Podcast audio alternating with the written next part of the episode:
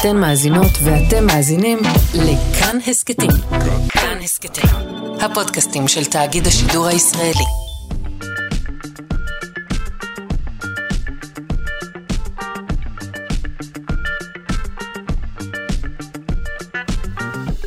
שלושה שיודעים. בוקר טוב, שלושה שיודעים בכאן תרבות, 104.9 או 105.3 FM. אנחנו, תוכנית המדע והידע של ישראל, מקווים להיות כאן עם כל המחקרים, כל הפיתוחים המדעיים והטכנולוגיים, וכל מה שבאמת מעניין לדעת. הבוקר אה, נלמד מה ההשפעה של חודשי המסכות הארוכים על זיהוי פנים, מה ההשפעה של שפע הפלסטיק על צבי ים, ומה ההשפעה של מחוללי דימויים על התודעה ועל החברה, ככה בקטנה. העורך הוא רז חסון, המפיקה תמר בנימין, אל הביצוע הטכני אלון מקלר, אני שרון קנטור. אם אינכם יכולים להאזין לנו הבוקר, האזינו לנו בערב, אנחנו משודרים, בשידור חוזר, בשעה שמונה בערב. אה, אפשר גם כמובן לבחור להאזין לנו כהסכת בכל זמן ובכל מקום שמתאים לכם, באמצעות היישומון של כאן, או כל יישומון אחר לבחירתכם. אנחנו מתחילים.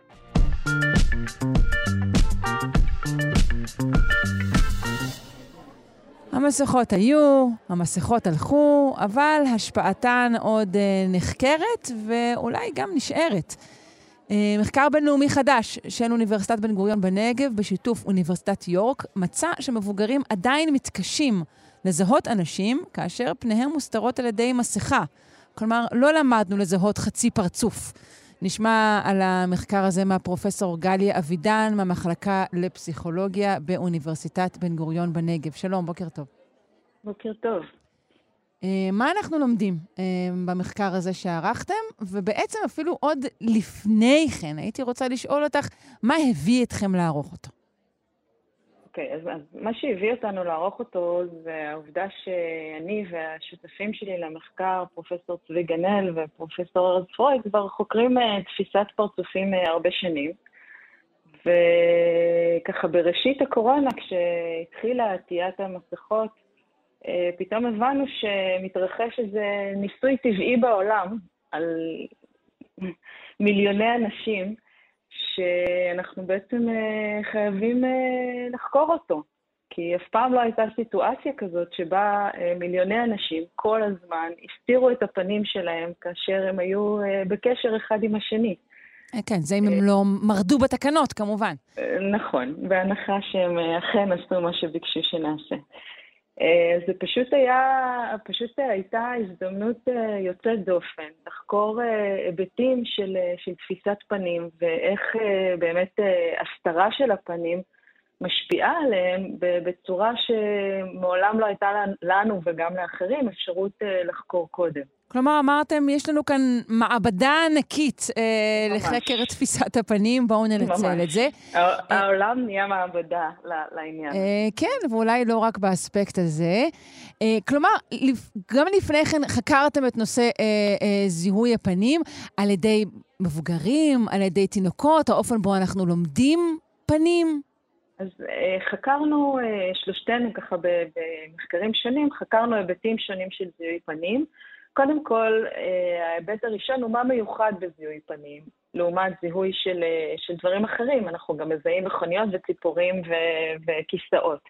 אבל uh, ישנם הרבה מחקרים, גם שלנו וגם של אחרים, שמצביעים על זה שבאמת זיהוי פנים הוא תהליך מיוחד, גם ברמה ההתנהגותית, הקוגניטיבית, כלומר, ישנם סט של, ישנו סט של פעולות קוגניטיביות שאנחנו משתמשים בו לזיהוי פנים והרבה פחות לזיהוי של דברים אחרים, וגם ברמה המוחית ישנה רשת של אזורים מוחיים שבעצם אה, מוקדשת לטיפול בגירוי המיוחד הזה, מכיוון שפנים הם באמת אה, איזשהו אה, גירוי יוצא דופן מהבחינה הוויזואלית, בכך שאנחנו צריכים לזהות פנים, ובחיי היום זה בעצם מה שאנחנו עושים, אנחנו לא רק מסתכלים על פנים ואומרים, אה, ah, זה פנים, אנחנו מסתכלים על פנים, של האנשים שחולפים על פנינו ואומרים, אה, זה יוסי וזה אבי וזה שלומי וזאת שושנה, ואני יודעת מאיפה אני מכירה אותם, ויש איזה הקשר ו, ויש זיכרונות שמתלווים ל, ל, לשמות האלה. ויש לזה הרבה משמעות בתקשורת החברתית שלנו בתור בני אדם. כלומר, בניגוד באמת לזה עץ, זה שולחן, כמובן שיש אנשים שגם מזהים אה, עצים נכון. אחרת. לגבי נכון. פנים אנחנו פועלים אחרת. מכאן נכון. אולי גם הנטייה שלנו לזהות אה, דוגמאות, דמויות פנים, גם בעצמים. נגיד, אני מסתכלת על שקע חשמלי, אה, את יודעת, רגיל כזה, אני תמיד רואה פה, רואה בו זוג עיניים ופה.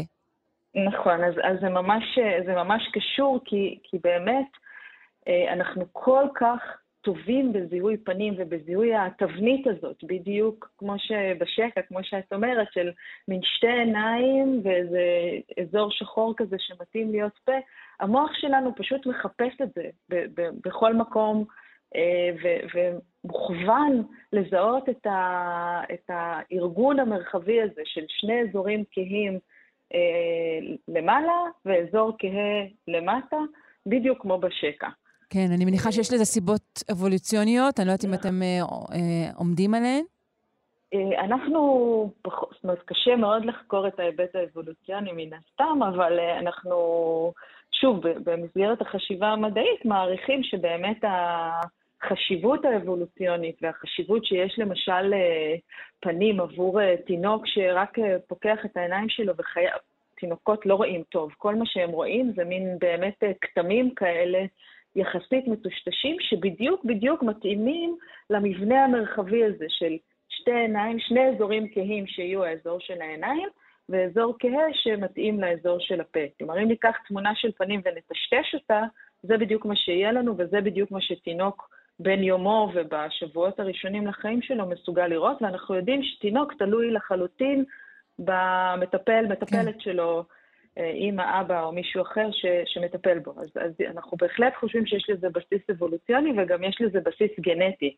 כלומר, למשל, תאומים זהים, אה, יכולות עיבוד הפנים שלהם יותר דומות מאשר אם ניקח אה, אה, שני אחים שהם לא תאומים זהים.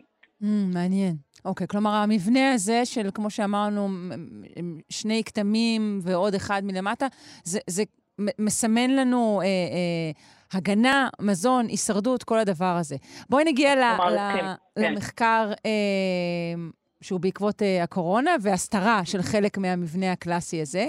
היינו רוצים לחשוב שאחרי איזשהו פרק זמן של הסתגלות, אנשים יזהו אה, רק פרצופים רק על פי עיניים בצורה טובה יותר, לא יגידו, אה, הנה הגבות של נחום, היי נחום.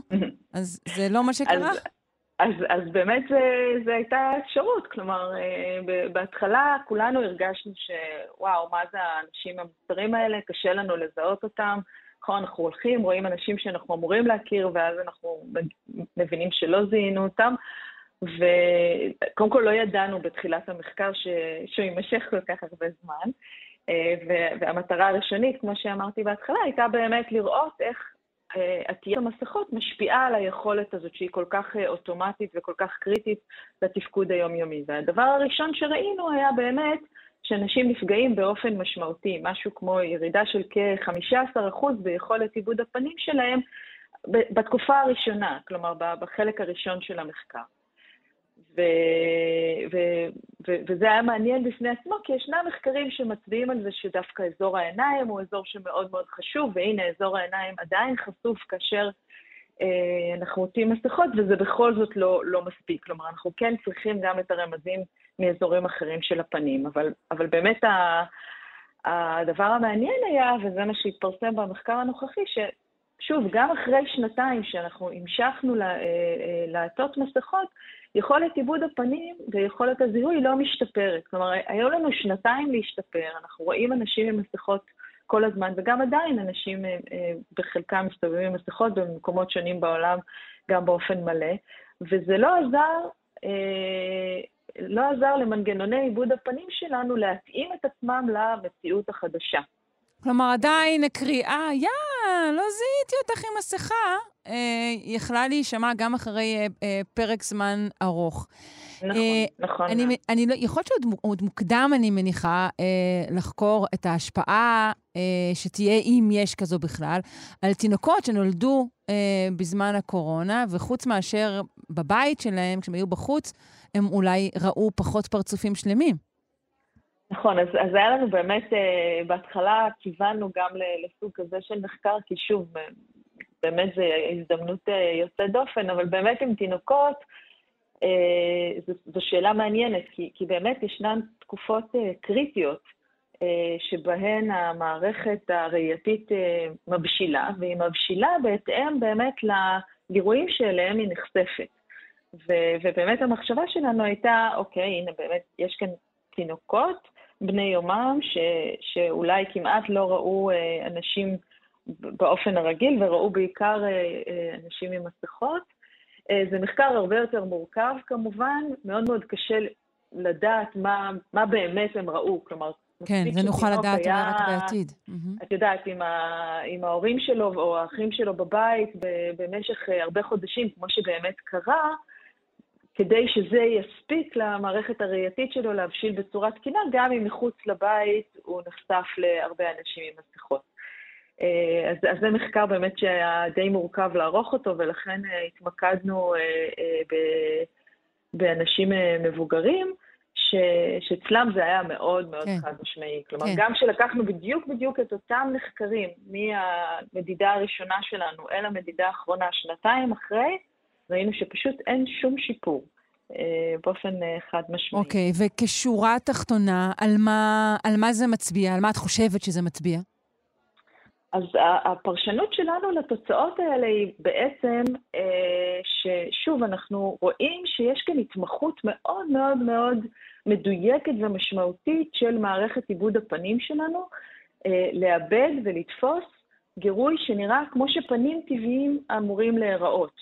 כלומר, במהלך ההתפתחות, אה, וגם כנראה האבולוציה, המערכת העצבית שלנו עברה כוונון, עברה אה, איזשהו באמת תהליך מאוד מדויק של התמחות, שהביא אותנו ליכולות המדהימות שיש לנו בעיבוד של הגירוי הספציפי הזה. והן אינן סטגלניות כל כך, בדיוק, אחרי כל השנים האלה. אוקיי. בדיוק, אחרי השנים האלה ואחרי באמת האבולוציה כנראה שתרמה כן.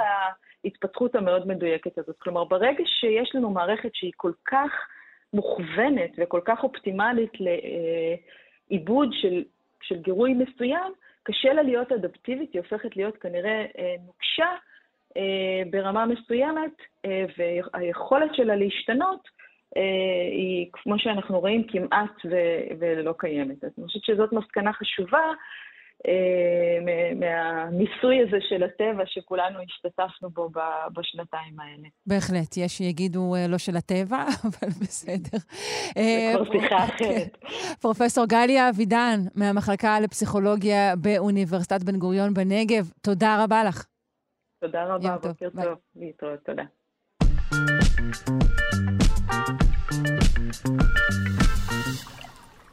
גופם של צבי הים בים התיכון מלא פלסטיק. אוקיי, זה צבים, אתם אומרים, צבים מלאים פלסטיק, בסדר. זה אם אתם אומרים, אתם אנשים גרועים. אבל בואו אני אגיד לכם, זה אומר שיש פלסטיק בהכל, גם באוכל שלכם.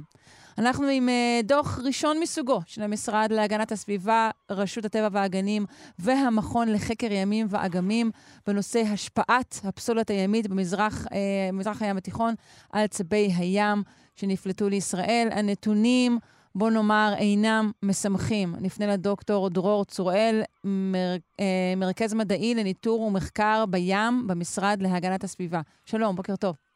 בוקר אור. אמ, קודם כל, זה דוח ראשון מסוגו. אה, למה? זה לא שאין לנו אה, פסולת כבר הרבה מאוד זמן. זהו, אנחנו עוקבים כבר כמה שנים אחרי אה, כמות הפסולת ש... שיש לנו בים, ובמסגרת תוכנית הניטור של הים התיכון שמבצע האו"ם, אז אחד מהפרמטרים שהם מבקשים מהמדינות עכשיו לאחרונה לפתח ולבדוק, זה את הנושא הזה של פסולת בצבי ים, אה, בתוך, בתוך קיבות של צבי ים. אה, קיבות של צבי ים מתים, יש לציין, כן, נכון? כן, כן, כן, ברור. שנשטפים לחוף. אז, ובעצם הצב ים הוא מהווה מה שנקרא ביו-אינדיקטור, מה שמוצאים בו בעצם מייצג את כלל המערכת הימית. כלומר, אה, בהנחה שאנחנו לא ממש משוגעים על צבים, אנחנו צריכים להגיד לעצמנו, הצו הזה, כמו שאמרת, הוא אינדיקטור, ביו-אינדיקטור, כלומר, אה, מצבו מעיד על, על המצב הכללי. נכון.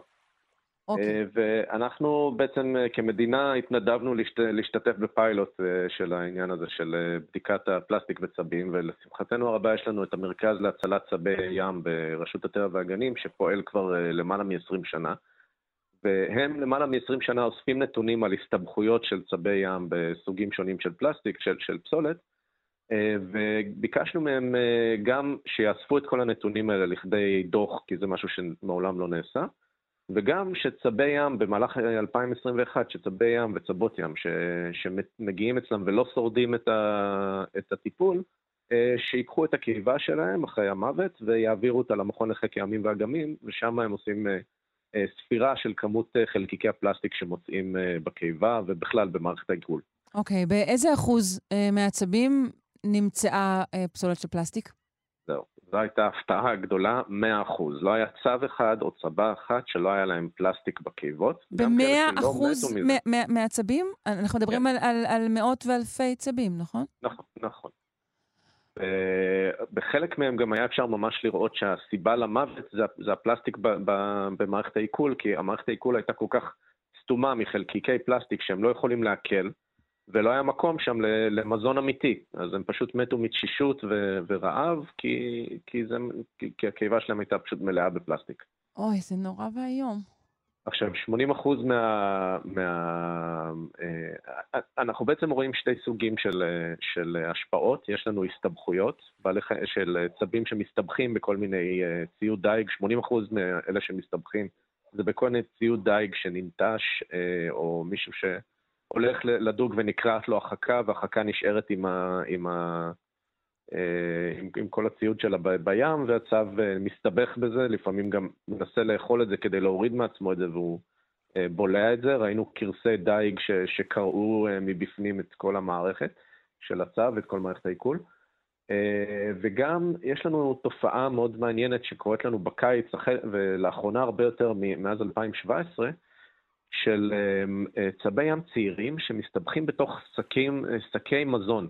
אה, מה ש... אנחנו יודעים שזה שקי מזון כי אפשר לזהות את הכתב על השקים ולראות מה, מה הם, וזה בעצם שקים שמשמשים את תעשיית הבקר וה, והבשר.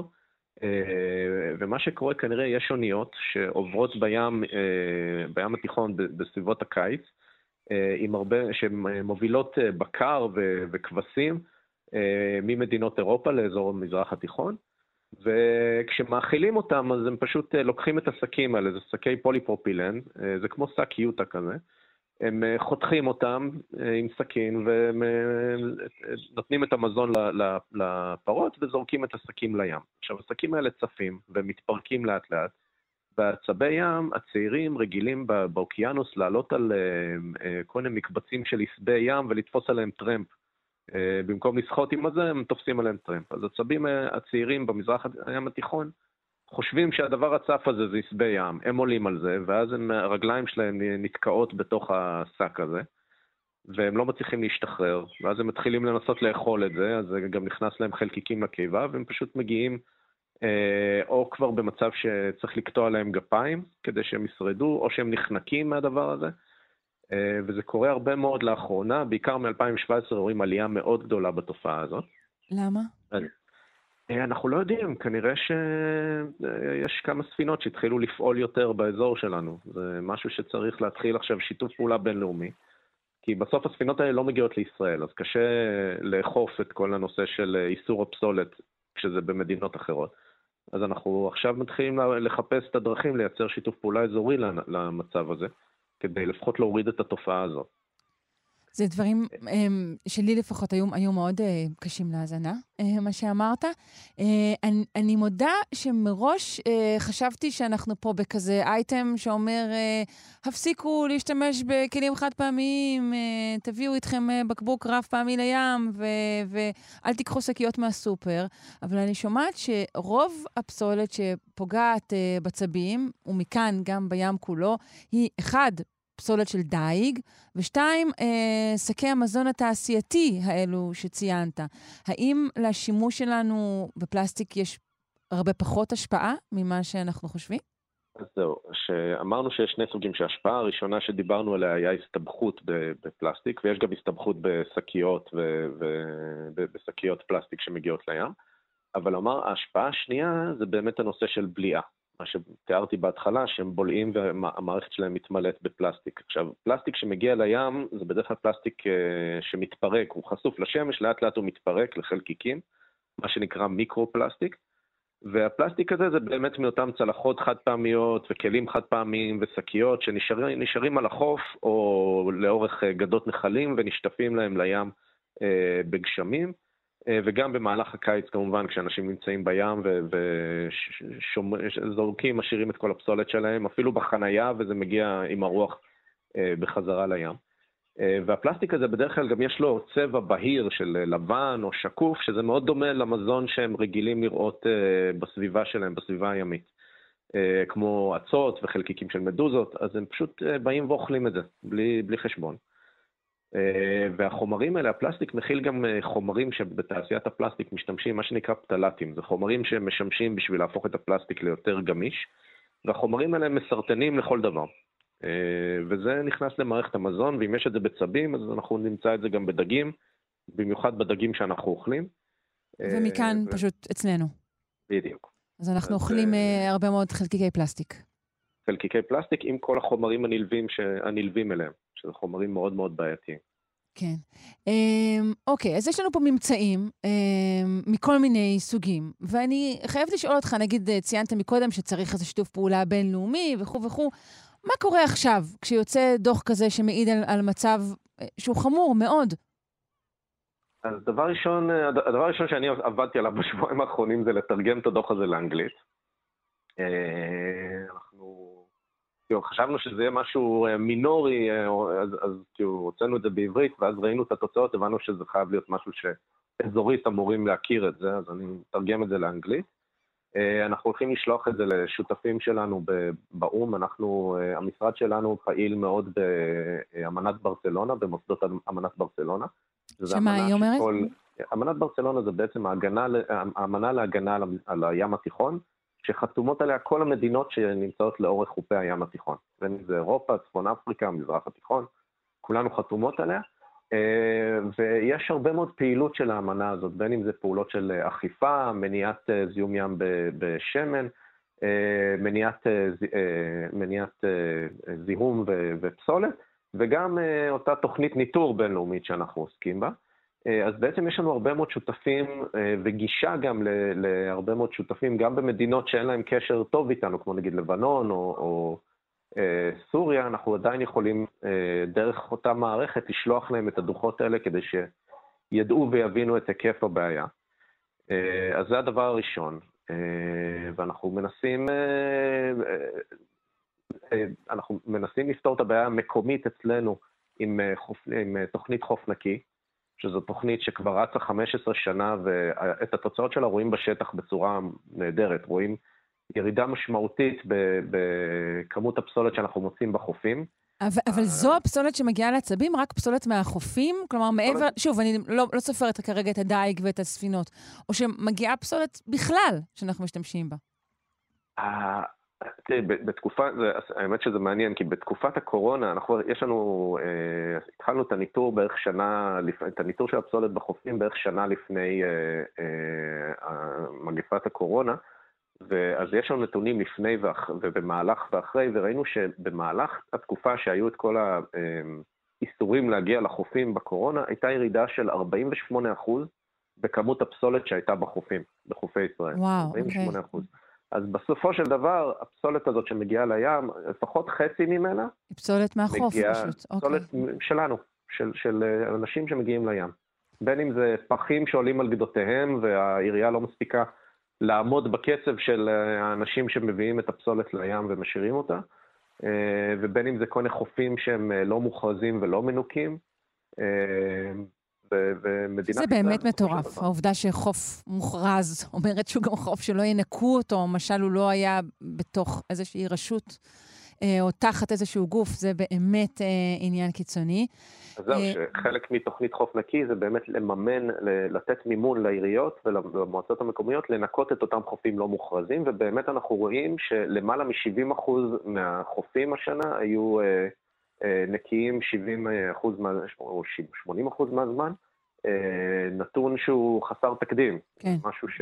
נכון. 15 שנה לקח להגיע שאלה אחרונה, אה, לסיכום, מתי יהיה הדוח הבא כדי שנדע אה, לאן המצב הזה הולך? אה, אז הנושא של פסולת אה, בצבים כנראה תהפוך לחלק מהניטור הלאומי שלנו, שזה דוח שיוצא כל שנה, אה, של המכון לחקר ימים ואגמים, וזה כנראה יהפוך לעוד אחד מהפרקים שם. כרגע פיילוט כדי לראות איך אנחנו עושים את זה, אבל עכשיו אנחנו כנראה נמשיך לבצע את זה, גם באו"ם דורשים שאנחנו נגיש את זה. ב-2023 אמור לצאת דוח מאוד מקיף של האו"ם על כל אזור, על כל, כל הים התיכון למעשה, עם נתונים שהם אוספים אה, בעשור האחרון, אה, אז ב-2023 הולך לצאת דוח מאוד רציני על הדבר הזה, אה, ובכלל על זיהום, על מצב המערכת הביולוגית ו- ו- וכדומה. שווה לעקוב אחרי הדוח הזה כשהוא יתפרסם. בהחלט. וכן, כל שנה אנחנו הולכים להמשיך לעקוב. אוקיי, נשמח לשוחח איתך שוב כשהדוח הבא יתפרסם. תודה רבה לך. דוקטור דרור צוראל, מרכז מדעי לניטור ומחקר בים במשרד להגנת הסביבה. להתראות. להתראות, תודה.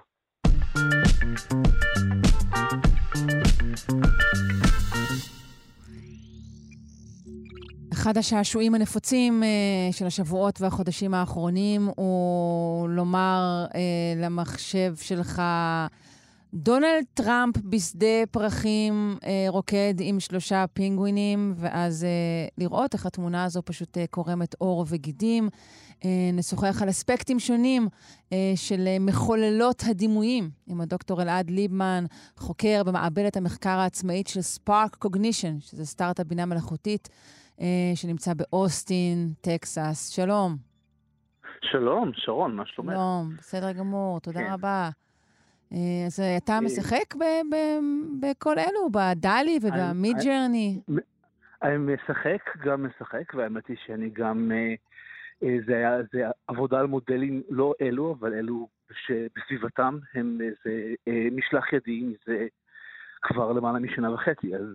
אני די חי ונושם את זה בתקופה האחרונה. לא דברים שיצאו כרגע שהציבור יכול לשחק איתם, אבל למשפחה הזאת של אה, מודלים שהיכולת שלהם לדמיין עבורך דברים שאין ברשותך, או לאפשר לך להשלים את החסר בתמונות שיש בהן מידע חסר או כוזב וכן הלאה, אלה יכולות מאוד חזקות עם נר, אה, אה ספקטרום נרחב של שימושים, אז כך שאני כן... כן... הן לא, לא מדמיינות עבורך בדיוק, נכון? זה יותר אתה מדמיין, ואז הן יוצרות משהו שהוא על בסיס התיאור שלך, של הדמיון של עצמך. אז, אז זהו, האמת שיש פה שני, בגדול, את יודעת, DALL-E אה, היא המפורסמת מביניהן, גם יש לך את Midjourney, שהם יותר אה, שומרים את הקלפים קרוב לחזה מבחינת אה, הרוטב הסודי שלהם. יש לך את Imagen של גוגל, שעוד טרם שוחררה רשמית, אבל כבר הפיצה, אה, פומפמה יפה על ידי אה, שלל אה, מקורבים ברשתות חברתיות. מה שמעניין במודלים האלה, בגדול קודם כל הם נשענים על סוג חדש של מודלים, שנקרא Diffusion Models. עכשיו הרעיון של Diffusion מגיע מעולם הטרמודינמיקה. התהליך של האופן שבו אתה מלמד מודל לייצר תמונות, הוא שאתה מתחיל מתמונות אמיתיות, ואז בהדרגה אתה הולך ומוסיף להם אה, פרופיל הולך וגבר של רעש, הולך ומוסיף להם רעש בהדרגה, תוך כדי שאתה מלמד את המודל כל פעם להפוך את התהליך הזה, להוריד את הרעש שהרגע הוספת. זאת אומרת, לבנות מחדש את התמונה מהתמונה המורעשת ברמות הולכות וגוברות של רעש. זהו, ה-diffusion זה ההוספה של רעש, וההפיכה שלו היא התהליך שבו הלומד, המודל לומד בעצם לייצר תמונה. תן לי דוגמה, אה, תן לנו דוגמה רגע של, של, של נגיד, אה, שוב, משפט, התיאור שאתה מזין, והאופן, שוב, באופן הפרימיטיבי ביותר, שה, שהמחולל הזה עושה את זה.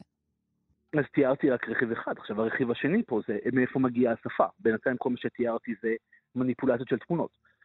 אז יפה, אז למשל הראשונים שכאילו מה שבאופן מיוחצן עשו את זה, אה, זה OpenAI, ולהם יש מודל שפה ותמונה מאוד חזק שנקרא קליפ, זה מודל אומן על מאות מיליוני זיווגים של תמונות עם טקסט שמשוייך אליהם. ומה שהמודל הזה למד בעצם זה לשייך תמונות לתיאור שלהם, לייצר תיאורים, לחזות אה, איזה תיאור הוא הכי הולם וכן הלאה. אז יש לך את הרכיב הזה. עכשיו, כשאתה בא עכשיו, אתה רוצה לאמן את המודל הזה, מה של אה, לאמן מודל שמייצר תמונה ממשפט, כמו שאמר דונלד טראמפ, מרקד בשדה עם שלושה פינגווינים בשדה פרחים. אז אתה אומר... יפה שזכרת, כן.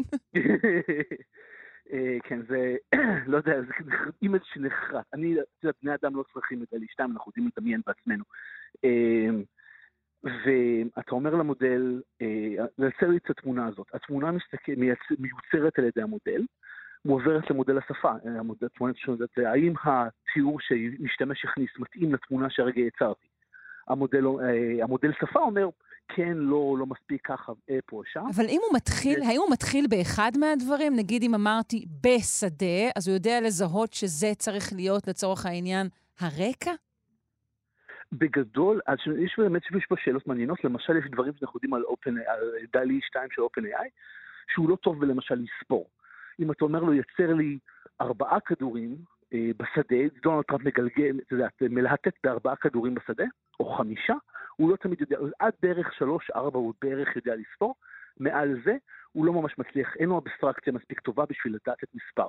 אז עכשיו, אם אתה אומר לו, אני רוצה שתעמוד אה, בתוך מכונית, על מכונית, לפעמים הוא קולע, לפעמים לא, יש פה מרחב מסוים, כי שוב, כי המודל בעצמו, כל מה שנלמד הוא סוג של ניווט אה, משוער בתוך מרחב אה, שמשותף לשפה ולתמונה, שהוא מאוד מאוד משוערך, וגם אין לנו באמת, בניגוד, קולבק לשיחה מלפני כמה שבועות, אין לנו מודלים, אין לנו סיבה להניח שהמודלים האלה יש איזושהי הבנה סמנטית טובה של מה הם בעצם מתוארים, הם רק יודעים בצורה עיוורת, יש לי פה מושגים ומילים וצירופים שאימנתי על פני מאות מיליוני צירופים של תמונות ומילים.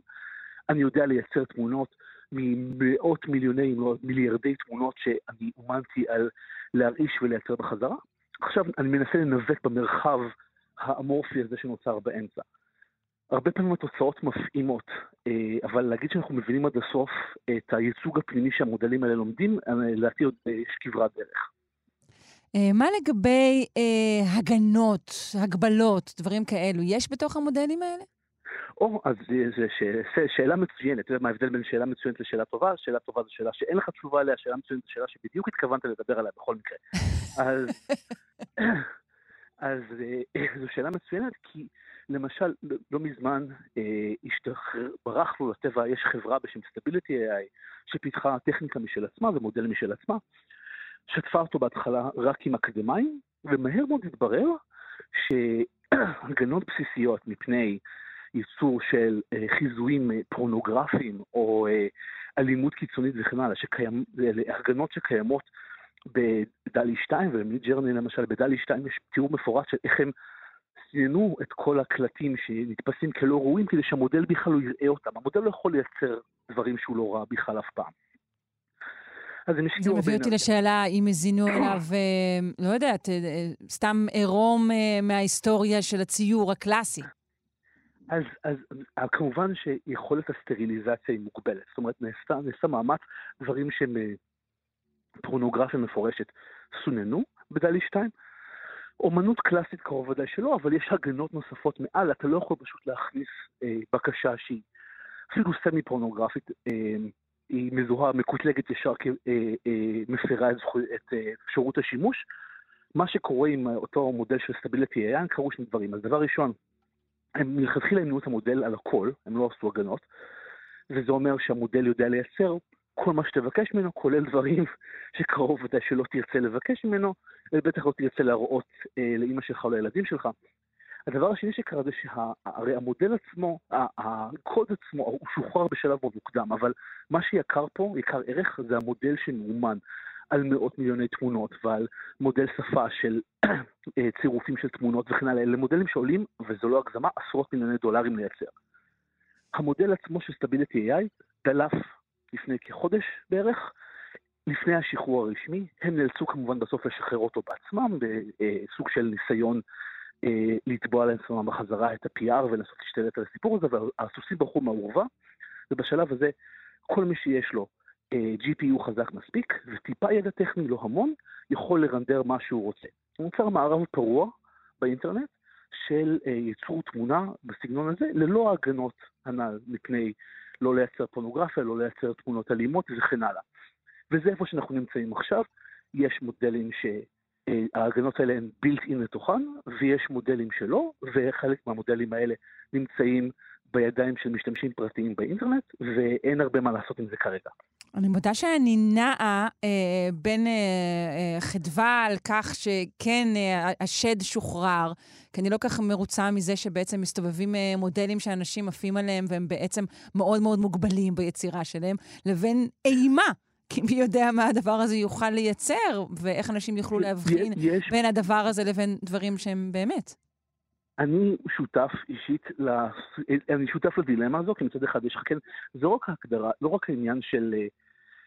אה, זה, זה לא רק עניין של המגבלות היצירתיות, זה גם השאלה של מי מחליט מה ראוי לצנזורה. בדיוק, לא. בדיוק. ומצד שני, אה, הסיטואציה שכרגע נוצרת, כי ההגנות האלה שאמורים להכניס לתוך המערכות האלה, הן לא רק מפני אה, פורנוגרפיה, הן מפני פורנוגרפיה עם אנשים ספציפיים. אתה יכול לסנטז בעיקרון תמונה פורנוגרפית של שחקן הוליוודי מפורסם, כן, בוודאי. שתראה מאוד משכנעת. או לא יודעת מה, לעשות טבח שלא קרה, לדווח ידיעה חדשותית, כן. לכאורה שבכלל לא קרתה. ההשלכות האתיות של הכוח הזה הן קיצוניות. אנחנו מתקרבים לנקודה שבה באמת שזה משהו שאנחנו מאמינים שאנחנו מתקרבים אליו כבר שנים, אבל אני מאמין שאנחנו ממש על הסף של נקודה שבה משתמש בעין לא מזוינת לא יוכל בהכרח להבדיל בין בדיון לבין אה, תמונה אמיתית, ונצטרך שכבה נוספת של טכנולוגיה, מין פורנזיקס של אה, אה, תמונות וכן הלאה בצורה יותר משוכללת, כדי לנסות לעשות, אה, אה, לייצר הגנות post-hoc מפני מה שציירנו כרגע, פייק ניוז. ובכן, כרגיל, כדי להתגונן מפני אה, טכנולוגיה, אנחנו חייבים עוד טכנולוגיה. אה, כן, דוקטור אלעד ליבמן, אנחנו צריכים לסיים לבוקר זה. אה, יש לי דווקא דוגמה מגניבה לדוגמה לטכנולוגיה כזאת. אה, יש לך? יש לך? כן, כן, יש לי. אז אני זוכרת למשל שבסרט Blade Runner המפורסם, יש מבחן שהם עושים לעישון כדי לנסות לזהות אם זה אה, אנדרואיד או אדם אמיתי. כן. אז מסתבר שבדורות קודמים של עיבוד של תמונה מג'ונרטת, העישונים לא היו לגמרי בסדר, והיה מודלים שאפשר היה לאמן, שאפשר היו יכולים לחזות את זה. אבל למרבה הצער זה מרוץ חימוש, והבעיה הזאת כן, תוקנה. בדיוק, מרוץ חימוש. אבל זה הסגנון של...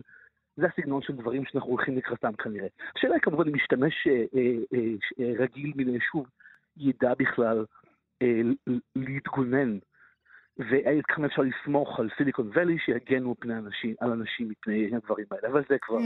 כן, יש לי תשובות לשתי השאלות האלה, הן לא כך טובות. אה, דוקטור אלעד ליבמן, חוקר מבית המחקר העצמאית של SparkCognition, סטארט-אפ בינה מלאכותית אה, מאוסטין, טקסס. תודה רבה שדיברת איתנו, ולך נאמר לילה טוב. ביי. תודה רבה, להתראות.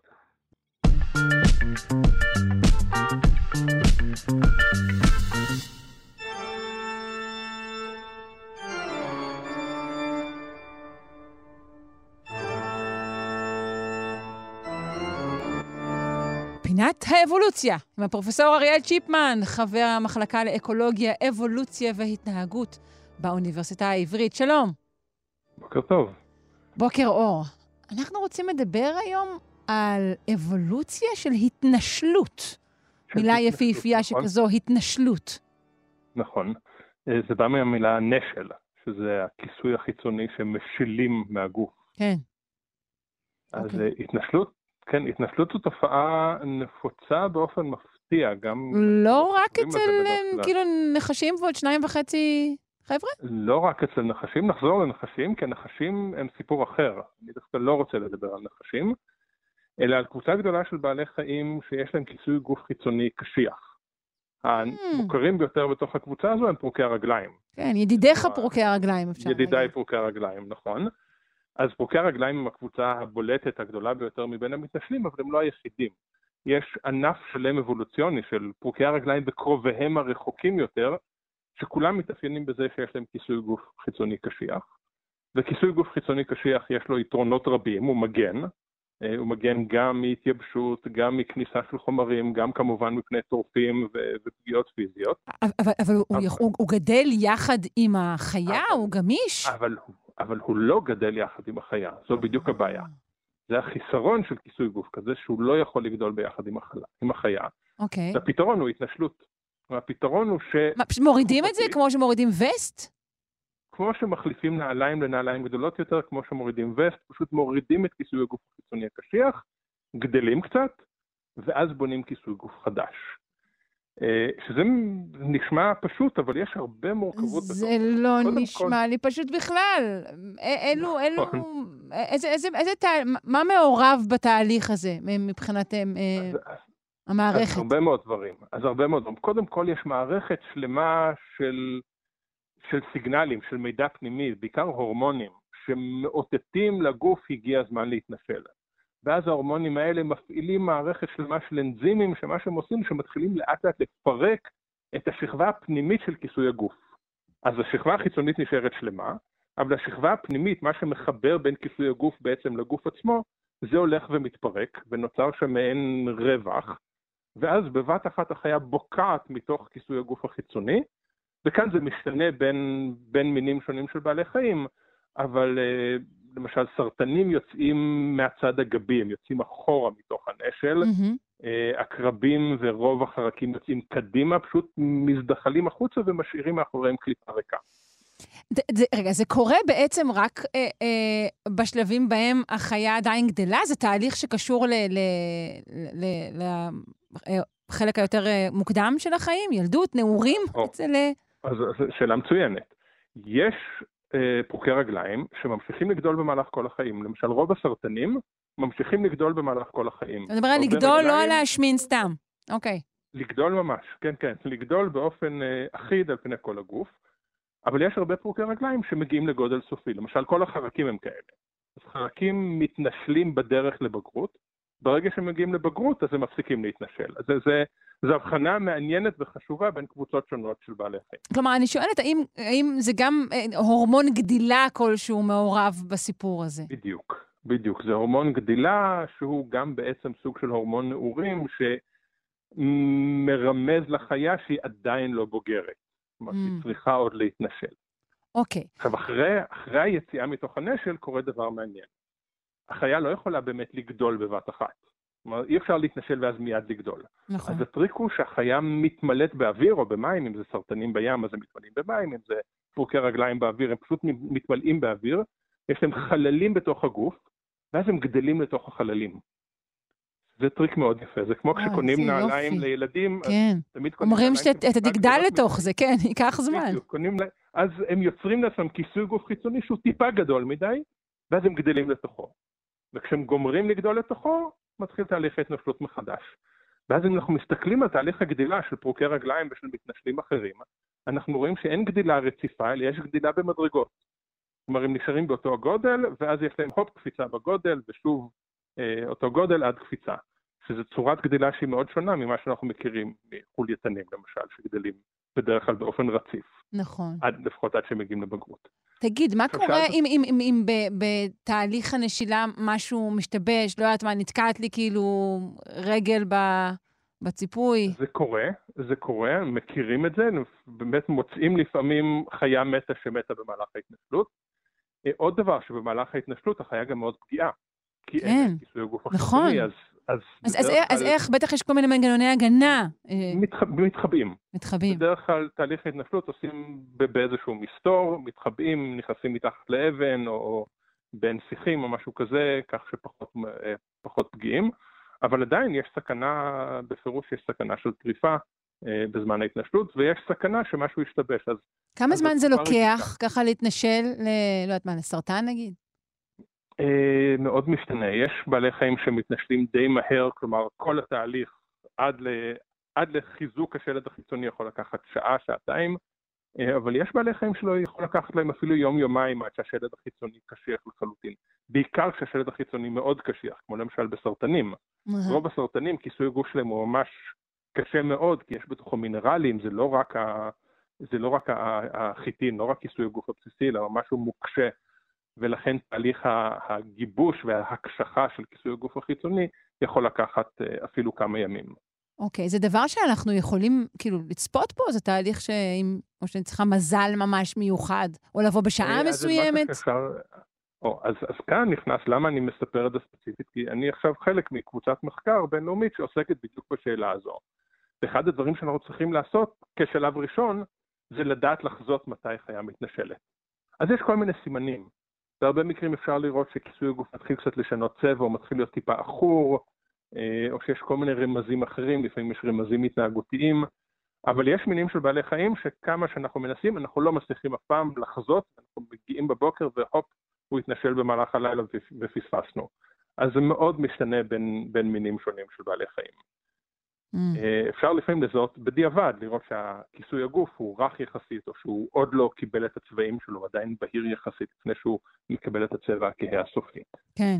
אה, אז לפעמים זה עניין של מזל, לפעמים זה עניין של להכיר, לעקוב ולהגיע למצב. אבל זה בטח מחזה, אשתמש במונחים אה, אולי לא מהעולם הזה, מרהיב, מרגש אפילו, כי יש בזה מה שאתה אומר, וואו, מה זה, זה, נכון. זה התחדשות משוגעת. זה כמו לידה מחדש. משוגעת. נכון, ומה שיפה שהנשל, מה שנשאר, הוא העתק מלא של הגוף. אה, יש תמונות, אפשר למצוא תמונות של נשלים של, אה, של הכבישים הפרוותיים, שאפשר לראות את כל השערות על הנשל. וואו. השערות הן חלק מכיסוי הגוף. אז אה, אפשר לעשות יפה... ככה דגמים, אפשר לצעוק לתוך זה גבס. נכון, נכון, אם כי זה לא תמיד נשאר מספיק יפה, אבל זה נכון. אנשים, בהחלט אפשר לדעתי אפילו לקנות בחנויות מזכרות למיניהן. אפשר לקחת mm. נשלים כאלה ולהחדיר לתוכם פלסטיק או משהו כזה, ולשים את זה בצוגה אה, מעל המקרר, אה, זה מאוד יפה. טוב, יפה, התנשלות. זה, זה אה, מרתק. אני מודה לך מאוד, פרופ' אריאל צ'יפמן, חבר המחלקה לאקולוגיה, אבולוציה והתנהגות באוניברסיטה העברית. ביי ביי. בשמחה, להתראות.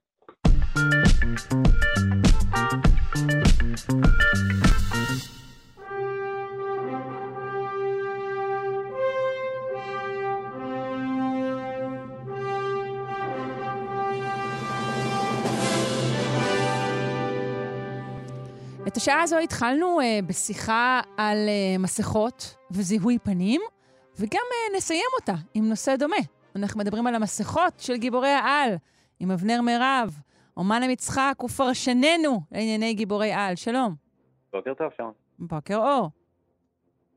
זה כן, מסכות uh, שגיבורי על uh, עוטים עליהם, זה בעצם... Uh, איזשהו אה, טרופ מאוד מאוד אה, מוכר ומפורסם, מי לא מכיר את, ה, את הסיפור הזה שיש את הגיבור שלוחם אה, בכוחות הרשע, ובמקביל יש לו זהות סודית איזושהי, לרוב כ, כאדם מן השורה, והוא מגן על ההבדל בין הזהויות האלה באמצעות מסכה. כן. כן, אז אבל האם את יודעת בתרבות הפופולרית מי הגיבור הראשון שעטה מסכה וכולנו זוכרים עד היום? כשהוא כאילו גיבור על כזה, או סתם מישהו, זהו, או מישהו לא מהתנ"ך היה... אתה מביא לי עכשיו? לא, לא מישהו מהתנ"ך, אני מדבר על זורו. זורו, רציתי להגיד זורו, בטח, ברור.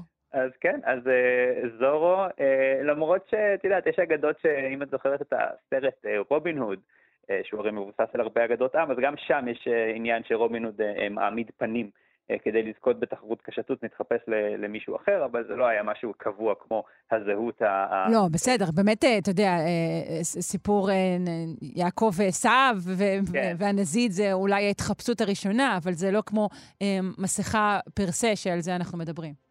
כן, אז, אז זורו כמובן, כדי שלא ידעו, אני מתנצל, ברח לי שמו של הדמות המקורית, אבל באמת כדי שלא לא יעשו את ההבדל בין הלוחם, לוחם הצדק ובין האדם הפשוט. אה, אם קופצים קדימה, אה, יש עוד כמה דמויות שחלקן אה, נשכחות יותר, כמו הצל והפנטום. הצל היה בתפקידי רדיו בשנות ה-30. הפנטום, סליחה, כן, בשנות ה-30, הפנטום גם היה קומיקס בשנות ה-30, ושניהם עטו מסכה על פניהם כדי בעצם לטשטש את זהותם ושלא ידעו מי הם. מן הסתם הדמות אולי המוכרת ביותר, או לא, המוכרת ביותר חד משמעית זה סופרמן. אה, שסופרמן אה, דווקא זה הפוך, כי אצלו סופרמן הדמות האמיתית היא סופרמן, החייזר שהגיע מכוכב קריפטון, והתחפושת היא קלאר קנט. אה, הרי הוא, mm. הוא, האביזר שהוא שם, התחפושת שלו זה הרי המשקפיים, עם המסגרת השחורה האהבה הכל כך איקונית הזאת של, של קלאר קנט. וזה מעניין, כי כאילו יש פה איזושהי, איזשהו היפוך, ודווקא למרות ש... מאז הסטנדרט הוא שהאדם הרגיל הוא הדמות האמיתית והגיבור הוא, הוא זה שרוצה את התחפושת, פה בעצם יש איזשהו היפוך, אבל לא רק, כיוון שאם אנחנו הולכים טיפה קדימה, שנה אחת קדימה, יש לנו את בטמן, שבטמן הוא בעצם הראשון שאנחנו, גם הפופולריות שנשארה עד היום, וגם באמת עטה מסכה מאוד מאוד איקונית, מאוד מאוד, שמכסה את רוב הפנים, וגם אני חושב שהוא אולי הראשון שבו המסכה באמת קשורה לדמות שהוא לקח על עצמו. זאת אומרת, יש לה את האוזניים השפיציות, כמו הטלף, יש פה איזשהו, איזשהו אלמנט עיצובי, בעצם הוא הראשון שהשקיע במיתוג בהקשר של המסכה. בכלל, בטמן משקיע הרבה במיתוג, יש לו את הבט מוביל ויש לו את הבט מטוס וכל האלה. אבל בהחלט, אבל מה שמעניין בבטמן זה שבעצם בשנים מאוחרות יותר, כשאנחנו קיבלנו יותר העמקה לתוך הפסיכולוגיה של ברוס ויין, שזה הדמות, בעצם המקור, האדם האמיתי, אז אנחנו גילינו, גם בקומיקס ואחר כך גם בסרטים, שהתחפושת גם פה היא לא בטמן, שבטמן הוא הדמות האמיתית והתחפושת היא ברוס ויין. Mm. והדגים את זה הכי יפה כריסטופר נולן בסרט עלייתו של האביר האפל, הסרט שחותם את הטרילוגיה המאוד מאוד פופולרית שלו, שבעצם החזירה את בטמן לאור הזרקורים בעשור הראשון של שנות האלפיים. אנחנו, יש שם סצנה מאוד מפורסמת של מעין מסיבת תחפושות, שבהם כולם עוטים עליהם את המסכות, מה שנקרא מסכת דומינו, המסכה שמכסה רק את העיניים, למעט ברוס ויין. ואז שואלת אותו סלינה קייל, אחת הדמויות בגילומה של אן האת'וויי, ואומרת לו, למה התחפשת? באופן אירוני, כי הוא בלי מסכה. אז הוא אומר לה, אני התחפשתי לברוס ויין, מיליארדר. יש פה איזו אמירה כן. שהוא, שהוא בעצם אומר, התחפושת זה לא בטמן, אני, אני בטמן, התחפושת זה המיליארדר, הנהנתן, הפלייבוי, מי שאני באמת, זה אותו אחד שלוחם בפשע ו- ויוצא בלילות כשהוא מתחפש למכרסם ענק ומעופף, ובעצם הוא זה ש- שנלחם בפשע. כן. הזכרת מסיבת תחפושת, אני רק פותחת סוגריים, כי אני, אני שמעתי, באמת לגבי הדמות של זורו לפחות, בגלל שהוא היה גיבור של סרט אילם, זה שהמסכה המקורית אה, שהייתה עוד, עוד, עוד לפני כן, אה, הייתה מסכת פנים מלאה. אבל בסרט אילם אמרו, מה, נשים גם מסכה מלאה ולא יראו את כל הפנים? וכך היא קוצצה למעין אה, מסכה בנוסח אה, מסכות קרנבל, שהיא לא באמת באמת מסתירה את, ה, את הזהות לחלוטין. זה נכון, אה, אה, אני, אני יודע שהמקור, כן, המקור הספרותי של זורו, הוא הרי בכלל לא ראו אותו, במקור זה בספר שיצא ב-1919, ורק אחר כך זה עובד לקומיקס ובאמת לסרטים, ויכול מאוד, אני לא מכיר את הסיפור הזה, אבל זה נשמע לי מאוד הגיוני. וכן, והמסכות דומינו האלה מפסטיבל המסכות של ונציה, במקור, אה, אז זה נכון שמשתמשים הרבה, ראינו את זה גם, האמת שגם בקומיקס רואים המון, אה, רובין של בטמן, אני חושב הוא הראשון שראינו בקומיקס עוטה את המסכה הזאת, סליחה, בעצם הפנטום שהזכרתי קודם היה לפניו. אבל מה שמעניין פה, בדומה למשקפיים של קלאר קנט, שנכון שזה נראה, כולם אומרים, נו, על מי זה עובד? זה לא עובד על אף אחד, כולם יודעים מי זה.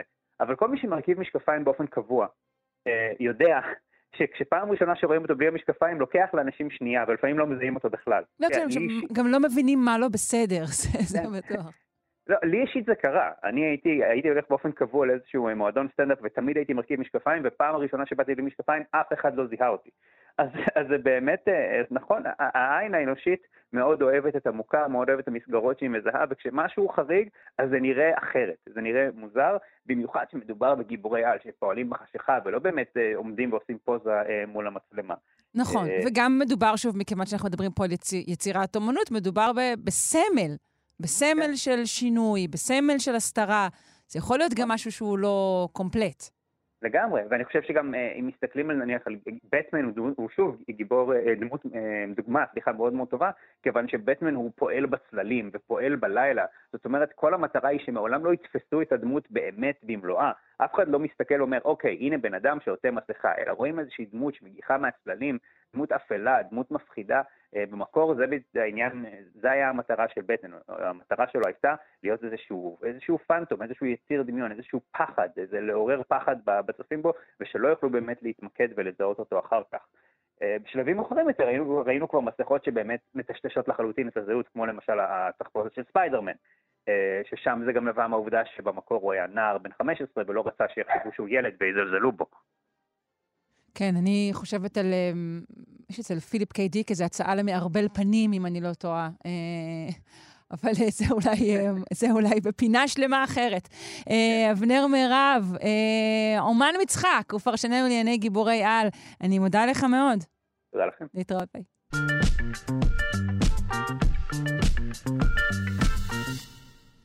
כמה נמלים צריך כדי לבנות רפסודה?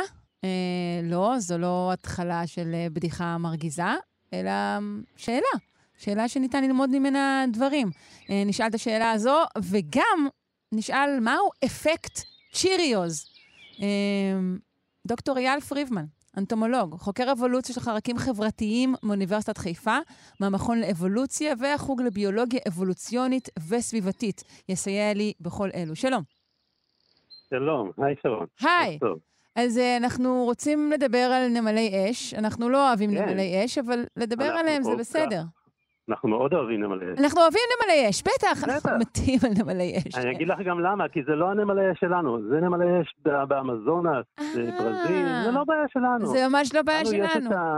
את נמלת האש הקטנה, אה, זה כלום, שם יש נמלת האש גדולה, זה זה צרות, אה, זה צרות אמיתיות. אוקיי, אז אפשר לשמור על, על, על, על ריחוק מהאייטם ולא. להתחיל אה, להתגרד תמיד, אני. תמיד אומר לאנשים, תשמחו שיש לכם את נמלת האש הקטנה בגינה.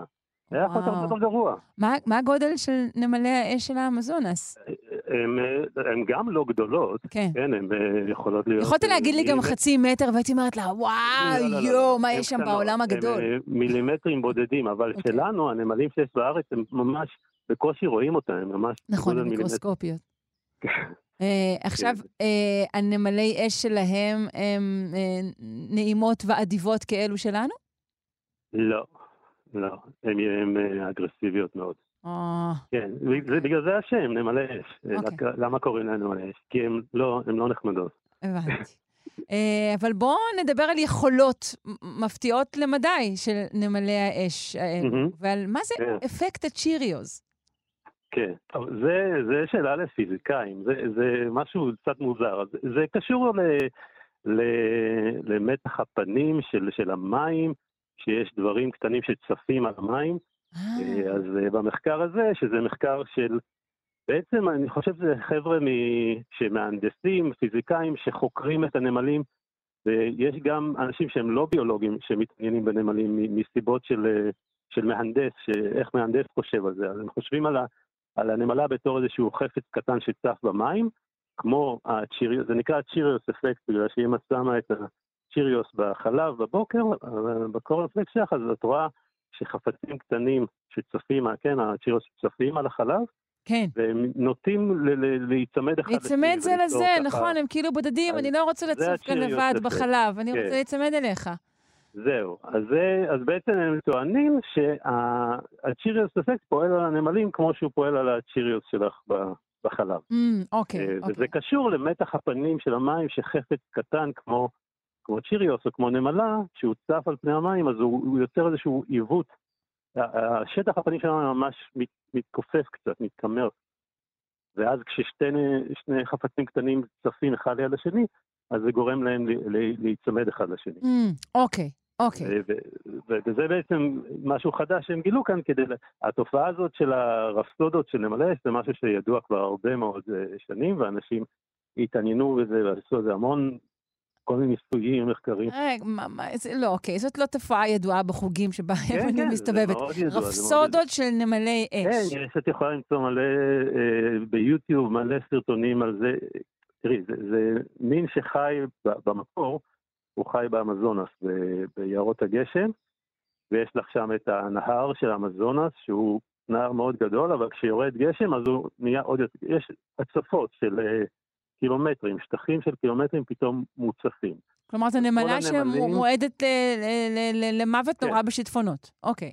תחשבי על זה, כל מי שחי שם, כל חיה שחיה ביער שם, היא יכולה פתאום לקום בבוקר והבית מוצף והמים עולים, וזה לא שאת יכולה ללכת אה, שני מטר ול... לא, זה כאילו שטח עצום שמוצף. אז הנמלים אין להם מה לעשות, הם פשוט צפות על פני המים, ואז מה שרואים, נמלי אש זה יכול להיות הרבה מאוד אלפים, עשרות אלפים, לכי תדעי כמה נמלים מתקבצות ביחד ויוצרות מין גוש ענק של נמלי אש שצף על פני המים, וככה הן שורדות, הן לא יכולות להישאר בקן שלהן, והן צפות עד שהן מגיעות שוב ליבשה, לחוף, ויכולות לצאת מהרפסודה שלהם, שהרפסודה זה בעצם הנמלים. הרפסודה כן. היא לא, הם לא בונים אותה. הם לא בונים, היא עשויה מהן עצמם. זה הרפסודה. מה, מה, ב, מה ב, ב, ב, בחרק הזה, מה בו אה, מאפשר את הדבר הזה? אתה חוקר חרקים חברתיים. כן. לא, איך זה קשור לדבר הזה? תופסות, הן פשוט תופסות אחת את השנייה ויוצרות הרפסודות. השאלה המעניינת זה, זה איך ולמה הן עושות את זה. בדיוק. כן, הן נאחזות ברגליים ועם הפה ועם הרגליים, נתפסות אחת על השנייה ויוצרות את הרפסודה, וכך בעצם המושבה שורדת. כן, הרי קן של נמלי אש זה קן שמורכב מהרבה אלפים של נמלים, יש את המלכה, לפעמים יותר מאחת, האש שלנו יש הרבה מלכות בכל קן, שזאת אחת הסיבות שקשה מאוד להיפטר מהן. שזה לא, לא הקן נמלים הקלאסי שיש מלכה אחת, ואז אם את הורגת את המלכה אז הקן מת, אלא יש, יש כמה. אבל אני תוהה, זאת מין הודעה כזאת? זאת כאילו הודעת אסון שעוברת, ובעצם כל הפרטים בקן שותפים? אני חושב שקשה ו... לפספס את זה כשהבית שלך מוצף, תשימי לב. אז כן. הן יודעות ש, שיש בעיה. ואז השאלה היא למה נוצרת הרפסודה הזאת. אז אנשים חשבו שהן יודעות שהן רוצות אה, ככה להיתפס אחת לשנייה, כדי שכל הקן כמקשה אחת יגיע ביחד למקום חדש ויחברו קן חדש ויהיה להם בית חדש. אה, אז מה שהם אומרים במחקר הזה זה שהם נסו, נסו לראות, הם שמו נמלים במים, ככה נתנו להם לצוף על המים, ונסו לראות אם הן תופסות אחת את השנייה. והם רואים שהם לא באמת, כשהם שתי נמלים נפגשות על פני המים, הן לא באמת רואות, מבינות שאה, הנה חברה שלי, אני אתן לה יד, אני אתפוס אותה, אלא בדרך כלל מה שקורה שהן כל הזמן ככה מנסות לשחות והן בועטות, הן פשוט בועטות אחת בשנייה והן דווקא מרחיקות אחת בשנייה. זה כשיש שתיים, כלומר זה קשור לכמות כן. הנמלים? בדיוק, בדיוק. אז אם, בגלל זה אמרו שצריך עשר או יותר. כי כשיש כבר מספר גדול של נמלים, אז הצ'יריוס אפקט גורם להם להפוך, להתקבץ בגוש אחד, למרות שכאילו הן לא, לא באמת עושות את זה באופן פעיל, זה כאילו הן לא רוצות, אז זה מצחיק, כשקוראים את הכתבה הזאת ככה בקריאה ראשונה, חשבתי שהם אומרים שכאילו הנמלים לא רוצות לעשות רפסודה, אבל, אבל זה קצת, זה לא נכון לחשוב על נמלים בתור חיה שרוצה או לא רוצה. בדיוק, זה מה שסקרן אותי, אוקיי. Okay. אה, היא פועלת בצורה מכנית, והיא פשוט לא יודעת. היא אין לה, היא לא מבינה, היא לא מבינה בכלל שיש כאן עוד נמלה. כי הן לא, כנראה לא רואות, הן לא מרגישות אחת את השנייה. נמלים בכלל, הראייה שלהם לא משהו, הן משתמשות יותר בחוש הריח, וכנראה שכשאת בתוך מים, אז זה לא עובד.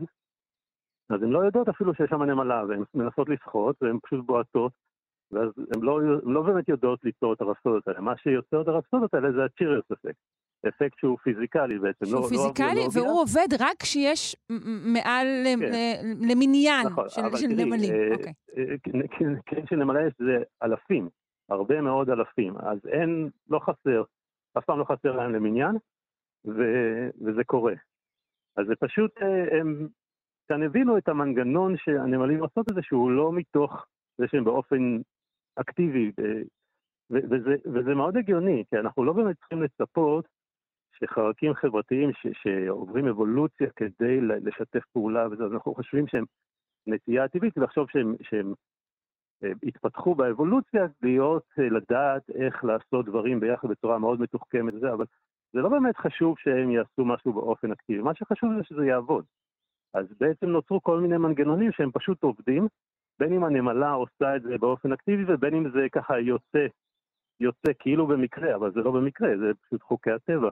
כלומר, מה שאתה אומר שפה בודדו משהו ספציפי, אבל גם פעילויות רבות אחרות של חרקים חברתיים בהחלט. בעצם עובדות באותו אופן, זה לא ש... נכון. שהחליטו, זה, פשוט נכון. ככה.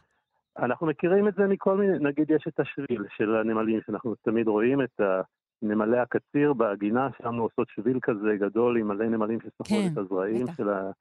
אז זה יש את זה בכל הארץ, רואים, זה מאוד יפה. נכון. זה לא שיש איזושהי נמלה שעולה ככה לעמדת תצפית, מסתכלת על השטח, חבר'ה, אוקיי, בואו, יש פה גרעינים. לא, זה לא עובד ככה, הן לא יודעות בכלל לאן הן הולכות. יש נמלים שמסתובבות ככה אקראית בשטח, אחת מזהה, או, oh, יש פה חלקה עם מלא קוצים וצמחים וצמחים, וזה, כאן יש מהרבה דברים טובים לקחת. היא מתחילה לקחת uh, זרעים לקן, ואז היא אומרת לחברות שלה בואו. והיא פשוט מסמנת את הדרך בפרומון השביל, וככל שיש יותר ויותר נמלים שהולכות באותו, באותה דרך, אז יש יותר ויותר סימון של הפרומון הזה, ולאט לאט הופך לאוטוסטרדה כזאת גדולה. אבל אף נמלה לא קיבלה את ההחלטה שפה, לשם נלך. כל אחד, יש קצת נמלים שהולכות לפה, קצת לפה, ובסוף של דבר, איפה שיש את מקור המזון הכי מוצלח, שם נוצר באופן ספונטני, בצורה שהיא, היא, היא, אין, אין שליטה ריכוזית, אלא זה, זה איזושהי היא, תוצאה ספונטנית של ההתנהגות הקולקטיבית של, ה, של קבוצה מאוד מאוד גדולה של פרטים, שאף אחד מהם לא באמת יודע או מבין מה, מה אנחנו עושים. כן. זה משהו שאנחנו רואים הרבה בחלקים חברתיים, גם דבורים עושות את זה, וככה זה עובד. טוב. אין ניהול מרכזי. אני רואה שחושבים על איך ניתן להשתמש באפקט הזה להנדסה של, של ננו חלקיקים. כן. כן, כן, הם אמרו משהו על זה, אני לא לגמרי בטוח איך הם הולכים להשתמש בזה, אבל יש באופן כללי ניסיון לפעמים לבנות כשאנחנו רוצים להנדס אה, כל מיני רובוטים ומערכות וזה, אז לפעמים לוקחים השראה מהמערכות האלה. נכון, אנחנו רואים את זה יותר ויותר. והדבורים, ומנסים ליישם את זה. כי במקום לבנות רובוט אחד מאוד מאוד חכם, שיודע לעשות דברים בצורה מאוד מתוחכמת, אפשר לפעמים, יש פתרונות שקוראים לזה Swarm Robotics, רובוטים שהם פועלים בתור... אה, אה, כך, כמו החרקים החברתיים. Mm-hmm. זו קבוצה מאוד גדולה של פרטים קטנים שהם, כל אחד מהם הוא לא מאוד מתוחכם, אבל ביחד הם מצליחים לעשות את העבודה. לוקחים אתכם, חוקרי, חוקרי חרקים חברתיים, לכל מיני סטארט-אפים, וזה, צריך. אה, אם יזמינו אותי, אז אני אשקול את ה... אוקיי. לא, האמת שלא. לא, אבל הקריאה לא... יצאה, הקריאה יצאה. המחקר הזה, אני חושב, היה במימון של איזשהו מקור אה, מימון של הצבא האמריקאי. באמריקה יש mm. כל מיני דברים מוזרים כאלה, שיש אה, הרבה כסף לפיתוחים צבאיים, וזה ואז פתאום איזה, מכיר מישהו שעובד על דבורים, פרט הדבש, שקיבל הרבה כסף לעשות, לפתח איזושהי מערכת עם דבורים. למה בדיוק הצבא האמריקאי רוצה לפתח טכנולוגיות שקשורות לדבורים, אני, או מחקר של נמלי אש, לא באמת, קשה hmm, להבין. אני חושבת ששוב, למדע הבדיוני ודאי יש אה, תשובות כן, על כן, כך. כן. אה, אנחנו נאלצים להיפרד עכשיו. אה, צבא נמלים רובוטיות לשטוף את העולם. נשמע לי, נשמע לי די הגיוני בסך הכל. דוקטור אייל פרידמן, אנטומולוג, חוקר אבולוציה של חרקים חברתיים מאוניברסיטת חיפה, מהמכון לאבולוציה והחוג לביולוגיה אבולוציונית וסביבתית. אני מודה לך מאוד. שלא נדע נמלי אש. כאן, נכון. על, בחצרות שלנו. להתראות. תודה, תודה.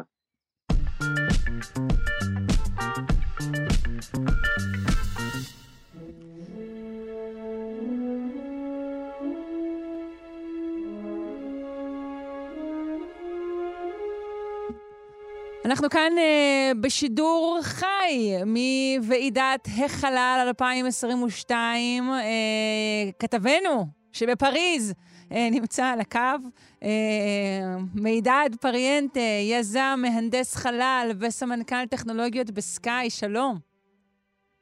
בונז'ור שרון מהרובע ה-15 בפריז.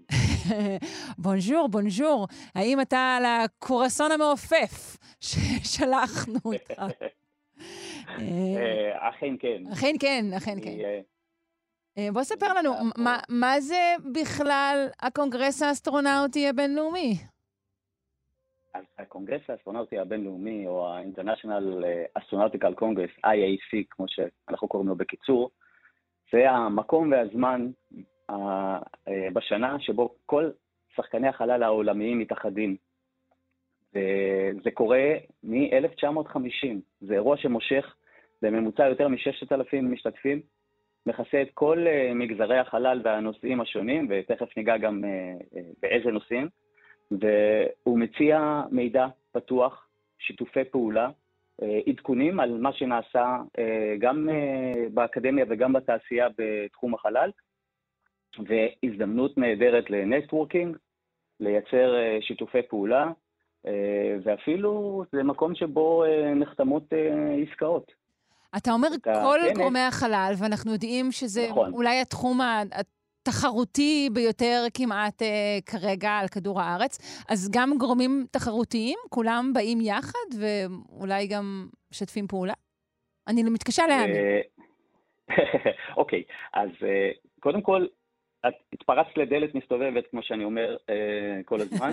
אה, בתחום החלל אין באמת אה, תחרות. יש שותפויות ושותפויות בעתיד. זה תחום כל כך תובעני. רגע, מה, האמריקאים כך, והסינים לא מתחרים כרגע על, על, על, על הירח, לצורך העניין? כרגע, כרגע, כרגע, זה בדיוק העניין. There are no competitors, only partners and future partners. בגלל שזה דורש כל כך הרבה משאבים, בגלל שזה דורש אה, המון תיאום, בסופו של דבר יש שיתופי פעולה. אה, אנחנו רואים את זה קורה בכל מקום, ומי שהוא לא פרטנר שלך היום, יהיה פרטנר שלך בעתיד. יש פה המון המון המון שיתופי פעולה בין סוכנויות. יחד עם זאת, הכנס השנה, דרך אגב, קצת רקע, ה-International Astronautical Federation, ה-IAF, הוא זה שמארגן את הכנס. בכל שנה הוא במקום אחר, הוא במוטיב אחר. אה, את ההחלטה לגבי צרפת אה, קיבלו שנתיים לפני. היא הייתה אמורה לארח את ה-IAC של 2021. זה, זה, לפי, בגלל... זה לפי הישגים בשנה שעברה, כמו אירוויזיון? איך זה עובד? לא, ממש לא. יש uh, אפשרות להגיש מועמדות, ויש ועדה שבוחרת בהתאם להצעה לארגון, ל-facilities, uh, ליכולת לתת uh, שירות טוב. צרפת נבחרה ל-IAC של 2021, אבל בגלל הקורונה אה, הייתה הפסקה ב-2020 והכל נדחה בשנה, וזאת הפעם הרביעית שהכנס מתארח בפריז, כולל. הכנס הראשון אי פעם שהיה ב-1950, ופריז עכשיו היא העיר אה, שתחזיק בשיא ה-IAC, זה, זה הפעם הרביעית ש, שזה פה, אבל יש הבדל משמעותי, וזה קשור לשאלה ששאלת קודם. זה, זה הכנס הראשון מ-1950 שבו כמעט ואין נוכחות בכלל של תעשיית החלל הרוסית ותעשיית החלל הסינית. ממצב שבו אה, באזור התערוכה, יש אזור תערוכה שבו חברות מסחריות וסוכנויות חלל מציגות ביתנים שבהם ניתן לראות דגמים של אה, אה, משגרים ולוויינים ונחתות והמון ציוד חללי אמיתי, אה, ביתנים ענקיים של סוכנות החלל הרוסית ושל סוכנות החלל הסינית, חברות רוסיות וחברות סיניות, השנה בפריז זה פשוט לא קיים. זה מתוך החרמה ש... של המנהלים או, או לא. ההפך? זאת שאלה uh, מצוינת. אין החרמה. Uh, ה-IAC מקפיד uh, לנתק לחלוטין פוליטיקה מהכנס עצמו. אין החרמה לא של מדענים, לא של אנשי תעשייה ובטח לא של סוכנויות חלל. אני מעריך שזו הייתה בחירה, ויותר מזה, אני חושב שיש פה איזושהי אמירה שקשורה גם לעובדה שרוסיה מדברת על להתנתק מתחנת החלל הבינלאומית, וגם בגלל שיש uh, פה uh, איזשהו עניין עם uh, סין ורוסיה ושאר, ושאר העולם. אני מאוד מקווה שזה אה, רק ברמה של אמירה ולא מעבר לזה. כן. דיברנו על תוכנית ארתמיס, והעובדה שעוד ועוד ועוד מדינות מצטרפות, ושהשנה זה יוצא לדרך, אז יש פה איזשהו עניין, ובאמת אני מקווה שזה, שזה רק זמני, ושזה יחזור uh, להיות מה שזה היה תמיד. שנה, דרך אגב, כמו שאמרתי, תמיד יודעים שנתיים קדימה, אז אנחנו כבר יודעים שב-2023 זה יהיה בבקו, אזרבייג'אן, וב-2024 זה יהיה במילאנו, איטליה, ובסוף הכנס השנה אנחנו אה, נגלה מי יערכו את הכנסים ב-2025 וב-2026. אז אה, התכנון שבמהלך הכנס ייחשפו אה, תוכניות אה, נוספות של סין, זה קורה או שזה לא קורה בגלל הנוכחות הנמוכה שלה? אה, אין בכלל שום אה, שיחות על התוכניות אה, של סין, זה, זה לא קורה. אה, כן יש עניין מאוד מאוד גדול, גם לכל מה שקשור ל-New Space, זה תופס המון המון המון מהשיח היומיומי, וגם יש המון מדינות שלא ראינו בעבר, שעכשיו הם חלק מתעשיית החלל. דרך ה-New Space, דרך הלוויינים הקטנים, מדינות קטנות כמו אסטוניה, יש לה היום נוכחות מאוד מרשימה. מדינות גדולות שבכלל לא היו בתחום החלל, כמו אוסטרליה וניו זילנד, עכשיו תופסות נפח ויש להן המון תוכניות. והייתה אפילו אנקדוטה מאוד מעניינת, אה, הכנס התחיל ביום ראשון, ואמש, אה, כאות הזדהות עם אה, ההלוויה של המלכה אליזבת, כל הנציגים הבריטים עזבו את הכנס, הדוכנים של הנציגים הבריטים היו סגורים, והם ציינו את זה כ- כיום אבל, הם כולם השתתפו ב- באירועים האלה. אה, מה שיפה בכנס הזה, זה שכל שנה יש אה, נושא. והשנה הנושא הוא אה, שהחלל הוא פלטפורמה לכולם, דגש על כולם, ויש פה יום פתוח מחר, שבו כל אחד, כל אזרח מן השורה, כל מי שמתעניין יוכל להיכנס לאזור התערוכה, לבקר פיזית בדוכנים, לראות uh, את האנשים מהמקצוע, לשאול שאלות, להצטלם עם אסטרונאוטים. Uh, אפילו uh, יש uh, מסורת של uh, לאסוף uh, giveaways uh, מגניבים חלליים, אולי אני כן, אביא לך כמה uh, שעניינים, כן. כמה עניינים. פריביז, ייי, רוצים. אז היית אומר ששתי הכותרות המרכזיות זה, הראשונה היא דמוקרטיזציה, אפשר להגיד, של חקר החלל, או, או, פופ, אה, משמעית. או יתר פופולריות אה, והרחבה שלו, וכותרת שנייה היא, היא נתק שהוא אולי נתק של ממש, ואולי נתק דקלרטיבי אה, בין כל העולם, לא רק המערב, לבין רוסיה וסין. זה, זה סיכום אה, נכון, אני חושב שהכנס בשנה הבאה בבקו, אזרבייג'אן, יגיד אם מדובר באירוע חד פעמי או שמדובר באירוע מתגלגל, שבאמת אה, ייצר נתק לקראת המאמץ הגדול של האנושות ליישוב קבוע על אה, הירח ואחר כך על המאדים. זה יהיה מעניין מאוד לראות מה יקרה. יש פה לא מעט מושבים שעוסקים בתחום מדיניות, ו- וחוקי חלל. יש ראשי סוכנויות שמדברים על התוכניות העתידיות, כולם מדברים על הירח ועל המאדים, זה ממש אה, פשוט אה, ישור קו כן. של כל גופי החלל הגדולים. שאלה ו... שהגיעה ממאזינים כרגע, אה, אילון כן. מאסק נמצא? לא, הפעם הוא לא משתתף.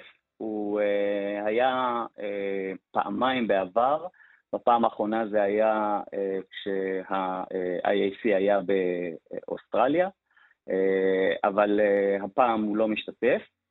אבל רציתי לספר למאזיננו היקרים על הזווית הישראלית, איך אפשר בלי. אז שני דברים חשובים. קודם כל, מעל 25 מאמרים של חוקרים ואנשי תעשייה ישראלים יוצגו במהלך הכנס. יש פה משלחת של מעל 50 משתתפים. יש דוכן יפה של uh, התעשייה האווירית, דוכן מרשים, uh, וכמובן שאם יש ישראלים שמשתתפים בכנס, אז יש קבוצת וואטסאפ של הישראלים שמשתתפים ב-IAC, וכמו uh, שהזכרתי, מי שמארגן את הכנס זה ה-IAF, International Astronautical Federation, וסגנית הנשיאה של ה-IAF היא משלנו, דוקטור דגנית פייקובסקי. אוקיי, טוב מאוד. גם ישראלית וגם אישה, אפשר בהחלט לציין את זה. אה, טוב, אנחנו נאלצים להיפרד בשלב זה אה, ממך. אני אשמח לקבל אה, סטיקרים לוואטסאפ מהקבוצה שלכם, בסדר? אה, בטח יש דברים שווים. אה, וגם אם יהיו עוד אה, דיווחים אה, מרתקים, נשמח לשמוע אם חשוב. תודה רבה. מידד פריאנטי, יזם, מהנדס חלל וסמנכ"ל טכנולוגיות אה, בסקאי. אה, תמשיך להתעניין, ליהנות ולייצג אותנו. ביי. בוקר טוב לכולם. בוקר טוב.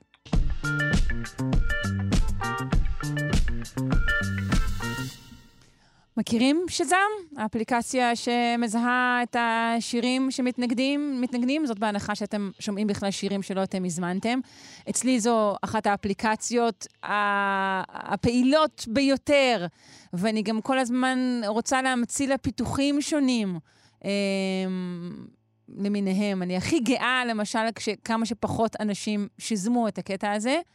כבר הגעתי לשיא, שיזמתי פעם קטע שהיו עליו אפס שיזומים, והרגשתי את ההישג האדיר הזה.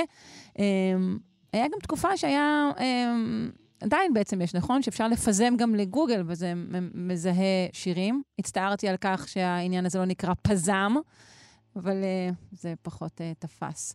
ובכל אופן, אנחנו מדברים על שזם לא כדי לדבר על שזם, אלא כדי להגיד שיש אפליקציה שהיא דומה לטכנולוגיה הזאת של שזם, אבל גם שונה לגמרי.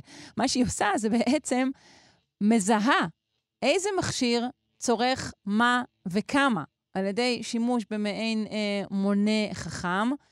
אנחנו רוצים אה, לדבר עם הדוקטור יובל בק, הוא מרצה להנדסת חשמל בפקולטה להנדסה באוניברסיטת תל אביב, והוא ראש המחקר אה, בחברה שמפתחת את הטכנולוגיה הזו, שנקראת אלטקו AI. שלום. בוקר טוב. בוקר טוב. אמרתי נכון את שם החברה, זה בסדר? כן, אלטקו AI. כן. אלטקו AI. אה, אוקיי, בוא תסביר לנו איך הדבר הזה עובד. אוקיי, אז אה, כמו, כמו, יש אה, היום אה, כניסה של בעצם מכשירים חדשים שנקראים מונים חכמים, שבעצם זה סוג של מחשב קטן שיושב בכניסה לבית, ובמקום אותם מוני חשמל שכולנו מכירים ומסתובבים, יש שם פשוט מחשב שמוציא כל מיני פרמטרים של הצריכת חשמל שלנו. זה קיים כבר לא מעט שנים בתעשייה, אבל זה מתחיל להיכנס גם לבתים שלנו. יש כבר אה, אה, חדירה של דברים כאלה, ובעתיד כולנו כנראה נחווה את המונים החכמים האלה. אבל המונה ו... החכם הוא, הוא מונה את כלל הצריכה? הוא מונה את כלל הצריכה, okay. אבל יש אוקיי. בתוכו הרבה פרמטרים שמשתמשים בהם אה, לבדיקה של האיכות חשמל שלנו, כמה היא... מכיוון שזה מכשיר יותר, אה, יותר אה, חכם, אז אנחנו נקבל עוד כמה פרמטרים, שמתוכם אנחנו אוספים את הפרמטרים האלה, ובעצם אה, יוצרים חתימות של המכשירי חשמל השונים. וכך אפשר לתת אה, בעצם כמו חשבון חשמל מפורט, כמו שאנחנו רגילים בשוק התקשורת, בסלולר, שאתם מקבלים חשבון חשמל ושם אה, אנחנו יודעים כמה שיחות הוצאנו וכמה אס.אם.אסים ודברים מהסוג הזה. Mm-hmm. בחשמל עד היום כל מה שידענו, הדבר היחיד שידענו זה שצריך לשלם את החשבון. אבל לא ממש איזה מכשיר צרך כמה, וזה בעצם מה שאנחנו עושים. מפרקים את החשבון חשמל, כך שאנחנו אה, נוכל לדעת כמה המקרר רגע, שלנו. זהו, איך המכשיר, הזה, איך המכשיר הזה יודע? כלומר, המקרר, שוב, בהנחה שאין לי את המקרר החדיש ביותר, שבטח משוחח עם עצמו על, על צריכת האנרגיה וגם נוזף בעצמו, אבל כן. איך המכשירים, הם שולחים את המידע, איך זה עובד? המכשירים לא שולחים שום מידע. אנחנו בעצם לוקחים את הקריאות חשמל של, ה, של המכשירים. אנחנו בעצם, אפשר לחשוב על זה בצורה הכי פשוטה, זה קצת יותר מורכב ממה שאני אומר כרגע, אבל למשל, אה, הדלקנו את הדוד חימום. כן. ברגע שאנחנו מדליקים את הדוד חימום, במונה חשמל יש קפיצה של אה, הספק שאנחנו צורכים. כן, הגלגל מסתובב אנחנו... מהר יותר, כן. יפה, אז, אז במונה חכם, במקום גלגל מסתובב מהר, אנחנו נקבל מספרים שעולים בצורה הרבה יותר מהירה, ואותם אנחנו קולטים. אז זה mm. בצורה אולי הכי, הכי פשוטה, אבל פרט לאותה קפיצת הספק, יש שם עוד כל מיני אה, מספרים בתוך המונה שמשתנים, שאותם אנחנו לוקחים. זהו, אבל ו... איך נדע שזה דווקא הדוד עשה? זה מה שאני מתכוונת. אז uh, מסתבר שצרכנים בבית יש להם אופי שונה. זאת אומרת, יש הבדל בין דוד לבין uh, מכונת כביסה, בגלל שזה, דוד זה רק uh, גוף חימום, ומכונת כביסה זה מנוע שמסתובב. כן. אז הרכיבים הפנימיים של אותה, של אותה מערכת מייצרים uh, פרמטרים של חשמל שהם קצת יותר uh, מורכבים, שאותם אנחנו מוצאים. אז זה לא רק הקפיצות האלה, אלא אנחנו גם מזהים עוד כל מיני אה, אה, מאפיינים של המכשיר שאנחנו רואים אותם מתוך המונה הראשי שנמצא בכניסה לבית. אוקיי. Mm, okay. ואתה אומר שמערכות אה, כאלו כבר קיימות בתעשייה? ההמונים עצמם כן, אבל המונים בעיקרון נמצאים שם בעיקרון רק למדוד את האנרגיה כדי אה, אה, לתת אה, בסופו של דבר את הסיכום אנרגיה החודשי, ועל סמך זה לקבל את חשבון החשמל. מה שאנחנו עושים זה שאנחנו מנצלים את, את, את המידע הזה לא רק בשביל חשבונות חשמל, אלא לפירוק של, ה, של המכשירים השונים כדי לאפשר. התפרסם, ב, ב, האמת, בשבועות האחרונות, הפגנות באנגליה על, על, על uh, עלייה במחירי החשמל. כן. ואחת הבעיות שיש לנו, גם, גם כשיוצאים משרד האנרגיה בכל מיני סיסמאות, תחסכו בחשמל, אין לנו ממש כלים לעשות את זה, כיוון שאנחנו לא יודעים מה צורך מה. אה, יש לנו כמה פיילוטים לחברה עם, אה, מתעשיית המזון, ששם אה, מפעלים שמשלמים מיליוני שקלים בשנה בחשמל, ואפילו אם אתם רוצים לחסוך חמישה אחוז, צריך לעשות את זה באופן מושכל, וזה קצת קשה כאשר לא יודעים מה צורך כל אחד נכון, מהמערכות. כן. אז כאן אנחנו נכנסים. אז אנחנו אה, מנסים לעשות את הפירוק הזה בצורה הכי טובה, ולתת לאותם, אה, מאנשים בבית ועד אה, אותם אה, אנשים במפעלים שאמונים על האנרגיה, את הכלים כדי uh, להיות מסוגלים לתת את, לעשות את ההחלטות הנכונות לחיסכון באנרגיה. כן. כמה אנחנו רחוקים מהתאמה של דבר כזה למשקי בית? Um, האמת שאנחנו נכנסים כנראה בחודש הקרוב כבר לפיילוט עם, uh, אני לא יודע אם אני מותר להגיד חברות, אז עם חברה מאוד גדולה בחו"ל. mm-hmm. שאנחנו, שנדבה כרגע את העובדים שלה, אנחנו מתחילים פיילוט כזה ביתי. אצלי בבית זה כבר עובד, כי כן? הבית שלי משמש כ... כ כמעבדה? כפיילוט? וואו. ממש כך. אוקיי. Okay. Uh, כבר, כבר הספקתי מרוב הדלקות וכיבויים לשרוף כמה מכשירים בבית, אבל uh, הכל ל, לשם המדע. Uh, כן, כבר הפסקתי להתרחץ, מאמין... כן, אוקיי. Okay. כן, אבל אנחנו מאוד מאוד... Uh, uh, אה, קרובים כבר לעשות את זה בסקייל הרבה יותר גבוה, גם, גם בתחום הביתי. אני רוצה להגיד שהסטארט-אפ שה, הזה הולך לאיבול עם uh, הצעה של דב חנין, שקראתי עליה אתמול, uh, והוא מציע שכל משק בית יקבל בעצם כמות מסוימת של חשמל מוזל לנפש. אוקיי. ואז אם תהיה... כן, ואז אם תהיה חריגה, אז הוא ישלם עליה תעריף מוגדל. והשילוב של ההצעה הזאת יחד עם, ה, עם המכשיר שלכם, נראה לי כמו מתכון מצוין. אז uh, יש לנו כבר, האמת, ניסיון בנושא, כי יש במקומות אחרים, כמו למשל, uh, יש לנו איזה שיתוף פעולה בדרום אפריקה, ששם יש uh, איזשהו מפעל שיש להם סוג של קנסות, דווקא אם הם עושים איזו צריכה יותר גדולה, והמערכת באמת מתריעה להם כדי uh, לא לחרוג. כן. ויש הרבה, הרבה מנגנונים כאלה, כמו שאת מתארת, של קנסות uh, uh, uh, או, או, או תשלומים יותר uh, גבוהים כאשר יש חריגה בחשמל. כן, לצד סבסוד שזה... של חבילת הבסיס, יש נכון, לציין, שזה פה נכון. הקטע, שזה לא להקשות חלילה על שכבות חלשות. טוב, נכון, מעניין מאוד, נקווה מאוד ש, שזה לא ייקח uh, עשור עד שנראה את המכשירים האלו um, כחלק מכל בית. Uh, דוקטור יובל בק, מרצה להנדסת חשמל בפקולטה להנדסה באוניברסיטת תל אביב, וראש המחקר בחברת אלטקו AI uh, שמפתחת את המכשיר הזה. תודה רבה. תודה רבה. בוקר טוב. בוקר טוב.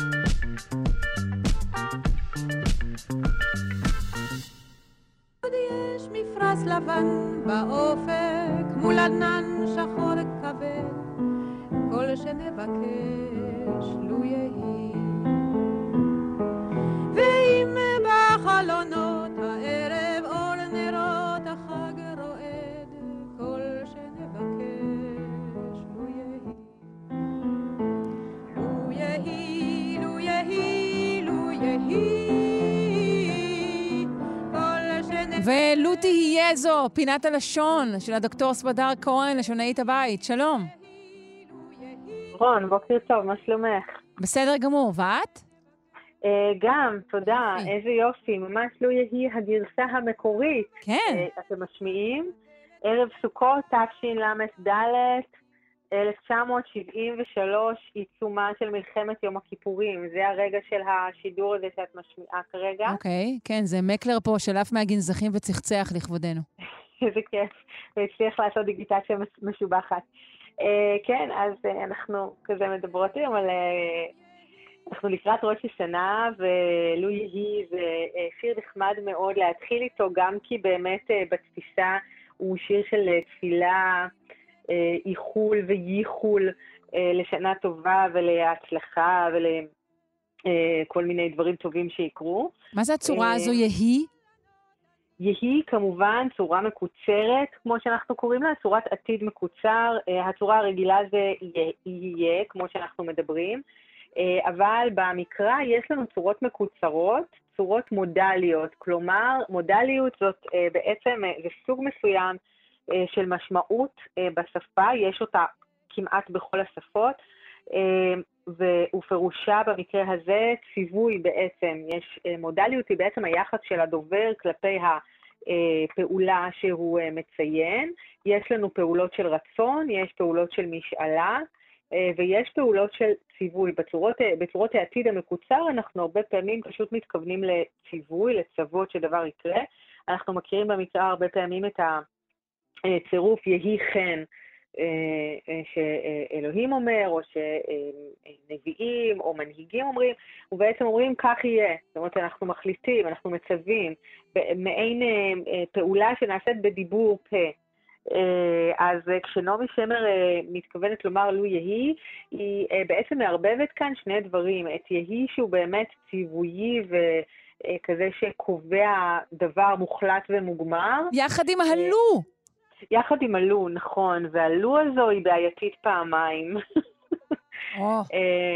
היא, בעיית, היא בעייתית פעמיים גם כי בעצם היא קצת מעקרת את המוחלטות של היהי, ובעצם מעמידה אותו קצת בספק, כי יש לנו כאן, לו היא בעצם אחת ממילות התנאי בעברית, העברית היא, יש בה שני סוגים של תנאי, תנאי קיים ותנאי בטל.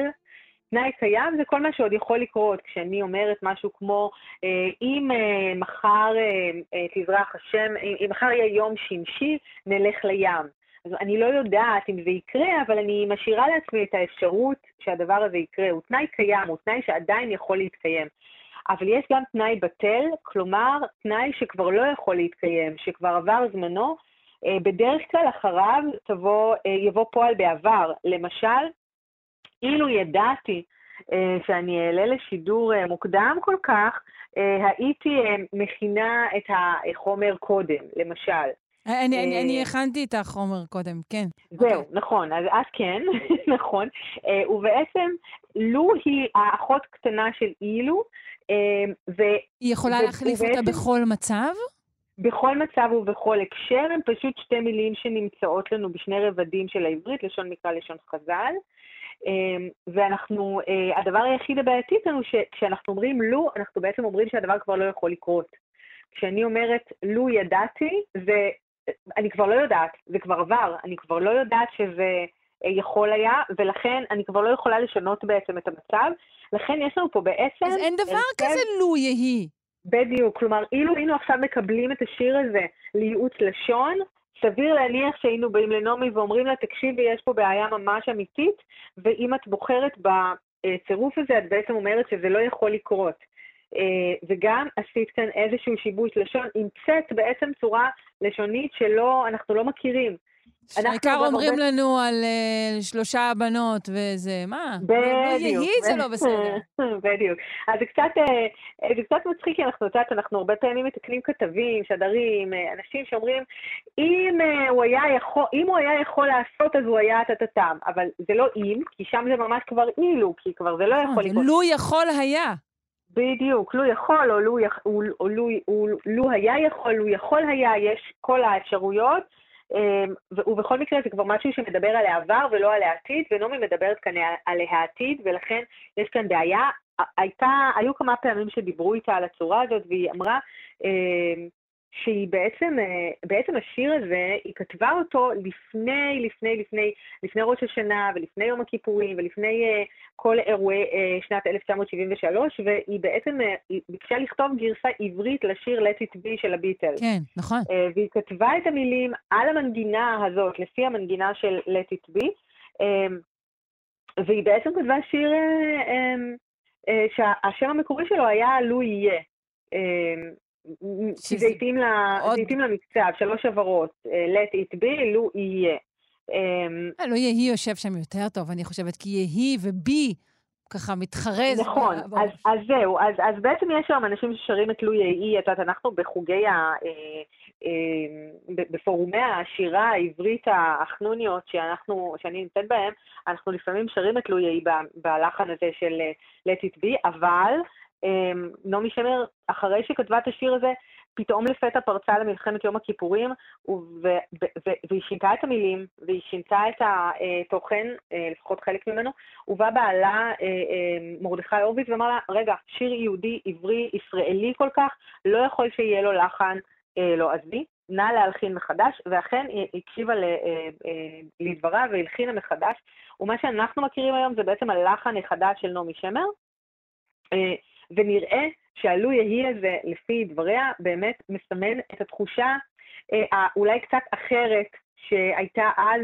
של אנחנו נורא רוצים שיהיה טוב, אבל אנחנו כבר לא יודעים אם זה יכול. כלומר, קצת, השיר הפך להיות כזה שמערב אה, קצת גם את תחושות אה, מלחמת יום אה, הכיפורים אה, הקשה שהתחוללה ממש בימים שבהם היא ככה באה להציג את השיר בפעם הראשונה, בערב יום הכיפור, בערב, אה, בערב סוכות אה, אה, כאמור, אז יכול להיות לדבריה שהלו יהי הזה בעצם, שוב, אנחנו לא יכולים לחשוד בנעמי שמר שלא ידעה שלו יהי הוא הרכב לא, לא נגיד חוקי בעברית, אנחנו כבר מכירים את השימושים שלה, הראשון לספטמבר ואחרים. כשנעמי שמר משתמשת בשגיאת עברית, היא מתכוונת, אה, היא מתכוונת להגיד בה משהו, היא לא משתמשת בזה באופן מקרי. כלומר, אה, הסתירה הזו מעידה על משהו בתוכן, על השניות הרגשית כן. הזו. כן, כך, כך נראה וכך היא העידה אה, לא אחת. גם מצלולית, זה מאוד יפה, אני חייבת להגיד. לו יהי, נכון, זה מצלולית זה זה יפה. מהמם.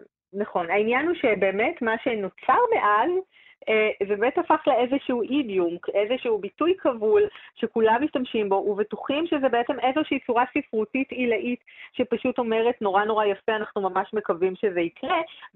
ולמעשה אה, המשמעות, ה- המשמעות העברית הבטלה של לו התבטלה לחלוטין מפני היהי שהיא אה, כל כולה אה, ציווי אמונה ואיחול לעתיד, ואיזה יופי, אה, נוצרה לנו ממש אה, צורת אה, לשון חדשה. כן. אה, אולי רק נגיד אה, עוד דבר אחד, אם יש לנו... אה, אנחנו דקה. לא, אנחנו צריכות בעצם לנו. לסגור את פינתנו, אין לנו זמן. טוב, אבל אני חושבת שדברים שרצינו לדבר, כאילו, את שופר וזה, נוכל אולי להכניס אותם גם בין, בין החגים בהמשך.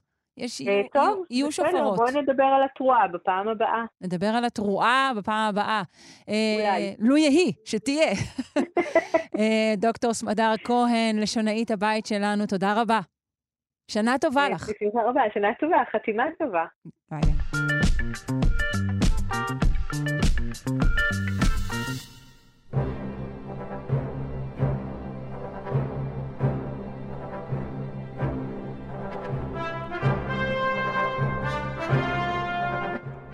אנחנו עם גילוי מטורף, מרשים מאוד. אה, פסיפס אה, שהתגלה ברצועת עזה, זה פסיפס מיוחד מהתקופה הביזנטית. נשמע את כל הפרטים מהפרופסור גדעון אבני, המדען הראשי של רשות העתיקות. שלום. שלום, בוקר טוב. בוקר אור. מתי התגלה הפסיפס הכל כך מרשים הזה? הוא התגלה ממש אה, לאחרונה, לפני כשבועיים. אה, כמו הרבה תגליות גדולות באופן מקרי. אה, חקלאי ברצועת עזה שרצה לחפור אה, כדי לטעת זיתים או משהו דומה. כן, הוא רצה לטעת עץ זית. יותר, יותר סמלי כן. ויפה מזה קשה לקבל, כן. ופתאום, ממש בעומקים של כלום, מטר מתחת לאדמה, הוא התחיל לחשוף קטע אחר קטע של באמת רצפת פסיפס יפהפייה, אחת מהיפות שאנחנו מכירים בארץ, עם דגמים של ציורי בעלי חיים ודגמים צמחיים וגפנים. זאת אומרת, העולם הזה זה עולם שאנחנו מכירים אותו טוב מהתקופה הביזנטית, ואיכשהו צריך קצת לשנות את הדיסקט כשאנחנו מדברים על עזה בתקופה הזאת. נכון. אה, כי אנחנו לא, לא באמת יודעים הרבה אה, על עזה. קודם כל, אה, אילו, אילו עוד אה, אה, מונומנטים אה, כאלה או, או פחות מרשימים נמצאים בעזה? אז קודם כל יש עוד. המון מתחת לאדמה. בדיוק. צריך איכשהו להבין, אני, כשאנחנו מסתכלים על יום על עזה, אנחנו רואים עיר נורא צפופה, רואים מחנות פליטים, רואים אה, פה ושם שדות חקלאיים. אם לרגע נחזור בדמיון 1,500 שנה אחורה, אנחנו מדברים על האזור העשיר ביותר בארץ ישראל, זאת אומרת, על עיר גדולה, על נמל, על uh, מערכת של חוות ומנזרים uh, מסביב לעיר, המון המון המון גפנים, כי העושר הגדול מגיע מתעשיית היין, שמתנקז לעזה וגם לאשקלון, ומשם יוצא לעולם. והכסף, כמו בהרבה חברות שפע, מביא גם לבנייה מאוד מאוד עשירה, לרצפות פסיפס מהסוג שנחשף ממש עכשיו. יש לנו כמה עשרות אתרים כאלה חבויים מתחת לאדמה, סביב עזה. שאתה ו... יודע שהם קיימים בבירור, אך, אך, אך הם לא נחשפו מעולם? כן, אנחנו יודעים מהמקורות, יש לא מעט מקורות היסטוריים שמדברים על העולם העשיר הזה. אה, בהקשר של אה, ראשי הכנסייה הקדומים, אה, יצירת מערכת המנזרים, בהקשר של המסחר. זאת אומרת, ברור שמתחת לאדמה בעזה זה לא רק מנהרות, וכשבאים לארכיאולוגיה זה ממש עולם ומלואו. במקום אחר היו מארגנים משלחות חפירה וחופרים וחושפים את זה, בעזה המציאות המודרנית כמובן לא מאפשרת את זה. כן. אבל מדי פעם, כמו התגלית הזאת, אם אני מסתכל, נגיד, ב-20 השנה האחרונות, אה, יש לנו לא מעט כאלה, אפילו עשרות, שפה ושם אתה מגלה את העולם הקדום הזה של, ה, אה, של התקופה הביזנטית, וזה באמת, צריך הרבה דמיון כדי לראות את החוות העשירות, את המנזרים, אה, את הנזירים שהם לא רק יושבים ומתפללים, אלא הם גם חלק מהמערכת הכלכלית. הם יוצאים לשדות, הם מעבדים, הם מגדלים את הגפנים, מייצרים את היין. וכרגע זה אה, מתגלה מדי פעם, ובאמת העושר והעוצמה של הביטוי האומנותי הזה, הרצפה הזאת, הרצפה הזאת הרי בסוף זה סוג של אומנות, שאנחנו מכירים אותה ממקומות אחרים, גם בארץ, בים התיכון. אה, כל פעם מחדש אתה מופתע ואומר איך האנשים האלה, א', היה להם כסף, היה להם יכולת, היה להם את ההשראה והדמיון אה, ליצור אה, רצפות אה, או מבנים כל כך מפוארים ומאותרים ברצפות פסיפס. כן. וזה ככה שם אותנו קצת בקונטקסט של הרחב יותר של ארץ ישראל לכל אורך ההיסטוריה. כי אזור עזה תמיד היה אזור מאוד מאוד עשיר, גם בתקופות קדומות. כבר מראשית המחקר הארכיאולוגי באו לשם ארכיאולוגים והתעניינו. אה, לא רק ארכיאולוגים דרך אגב, אם אה, תיכנסו היום למוזיאון ישראל, בחלק הראשון של התסוגה הארכיאולוגית אתם תראו ארונות קבורה מפוארים עשויים מחרס. אלו הם אה, ארונות אנתרופואידים, דמויי אדם, שייכים לתרבות הפלישתית. כן. וכמה. מהם יצאו לא מעזה העיר, אלא מדיר אל-בלח בדרום רצועת עזה. אה, אם אנחנו מסתכלים על הסיפור איך גילו אותם, אז הם לא התגלו בחפירה ארכיאולוגית מסודרת חלקם, אלא על ידי איש מאוד מוכר בהיסטוריה המודרנית, משה דיין, שהיו לו הרבה זכויות, ובין השאר גם היה... אז הוא לקח אותם משם? הוא פשוט שדד אותם. פשוט שדד אותם, של היום. כן. כן, okay. אוקיי. היום אי אפשר להגיד את זה אחרת. אה, הוא עשה חפירות לא חוקיות, הוא הוציא אותם, הם עמדו שנים בגן ביתו בצהלה, ולאחר מותו נמכרו למוזיאון ישראל, גם כן אה, מהלך שעורר לא מעט ביקורת, והיום אבל הם מוצגים לציבור באמת בתור אחד הממצאים החשובים ביותר במוזיאון, וגם הם הגיעו מרצועת עזה. כן. אבל יש שם עולם ענק שמסתתר ו... לו מתחת לאדמה. יש סיכוי שידרשו אותם אה, חזרה גם מתישהו. אה, כן, אנחנו עוד לא בסיטואציות האלה. עוד לא בסיטואציות האלה, אבל בואו נדבר באמת על, על עד כמה בכלל אה, אה, אה, חמאס אה, יכול ורוצה אה, לשמר ולפתח? אה, תראי, פה, פה הסיפור הוא מאוד עצוב, כי מי שהיה פעיל בתחומים האלה הם דווקא משלחות זרות, אירופאיות, הרבה מאוד צרפתים עבדו באזור הזה. אה, יש איזושהי התייחסות לערכים תרבותיים, אבל זה בוודאי לא בראש סדרי עדיפויות, ולכן התגליות האלה הן תמיד תגליות אקראיות. בשנים האחרונות, עד כמה שאני יודע, אין כמעט פעילות ארכיאולוגית בעזה. בשנות ה-90 ובראשית שנות ה-2000 היו לא מעט משלחות שעבדו שם, אה, אבל המצב שם הוא בהחלט, אה, בתחום כן. של הארכיאולוגיה ושמירת מורשת, הוא, הוא בהחלט די עצוב. כן, ושוב נזכיר, הפסיפס הזה התגלה במקרה, והוא נמצא בתוך מחנה פליטים. אה, זה לא שום תנאים שמזכירים באמת חפירה מסודרת ושימור מסודר. אה, בהחלט, עכשיו השאלה באמת מה יעשו הלאה. האם יכעסו את זה, האם באמת תהיה, תהיה שם איזו יוזמה לפתח אולי וכן לעשות חפירה מדעית, כי מסביב לפסיפס הזה בוודאי יש מבנים רבים, אפשר ללמוד הרבה מאוד על האתר עצמו ועל הסביבה שלו. שאלה גדולה אם הדברים האלה יקרו. בהחלט. טוב, אני מודה לך מאוד, אה, פרופסור גדעון אבני, המדען הראשי של רשות העתיקות, אה, ואני ממליצה לכם מאוד אה, לחפש תמונות של הפסיפס העתיק הזה ברצועת עזה, הוא, הוא מדהים. תודה רבה. תודה ושנה טובה לכולם. שנה טובה. להתראות.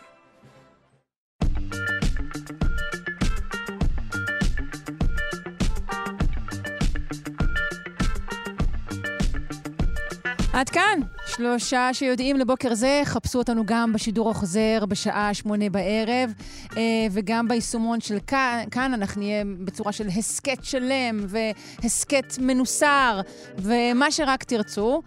מחר בבוקר אה, אנחנו נהיה שעה שלמה אה, עם שלום בוגוסלבסקי, נשוחח על עלייתה ונפילתה של מזרח אירופה היהודית. אני רוצה להאמין שיהיה מרתק. העורך רז חסון, המפיקה תמר בנימין, על הביצוע הטכני אלון מקלר. אני שרון קנטו. המשך בוקר טוב.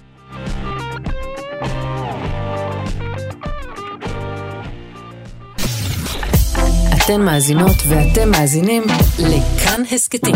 כאן הסכתים, הפודקאסטים של תאגיד השידור הישראלי.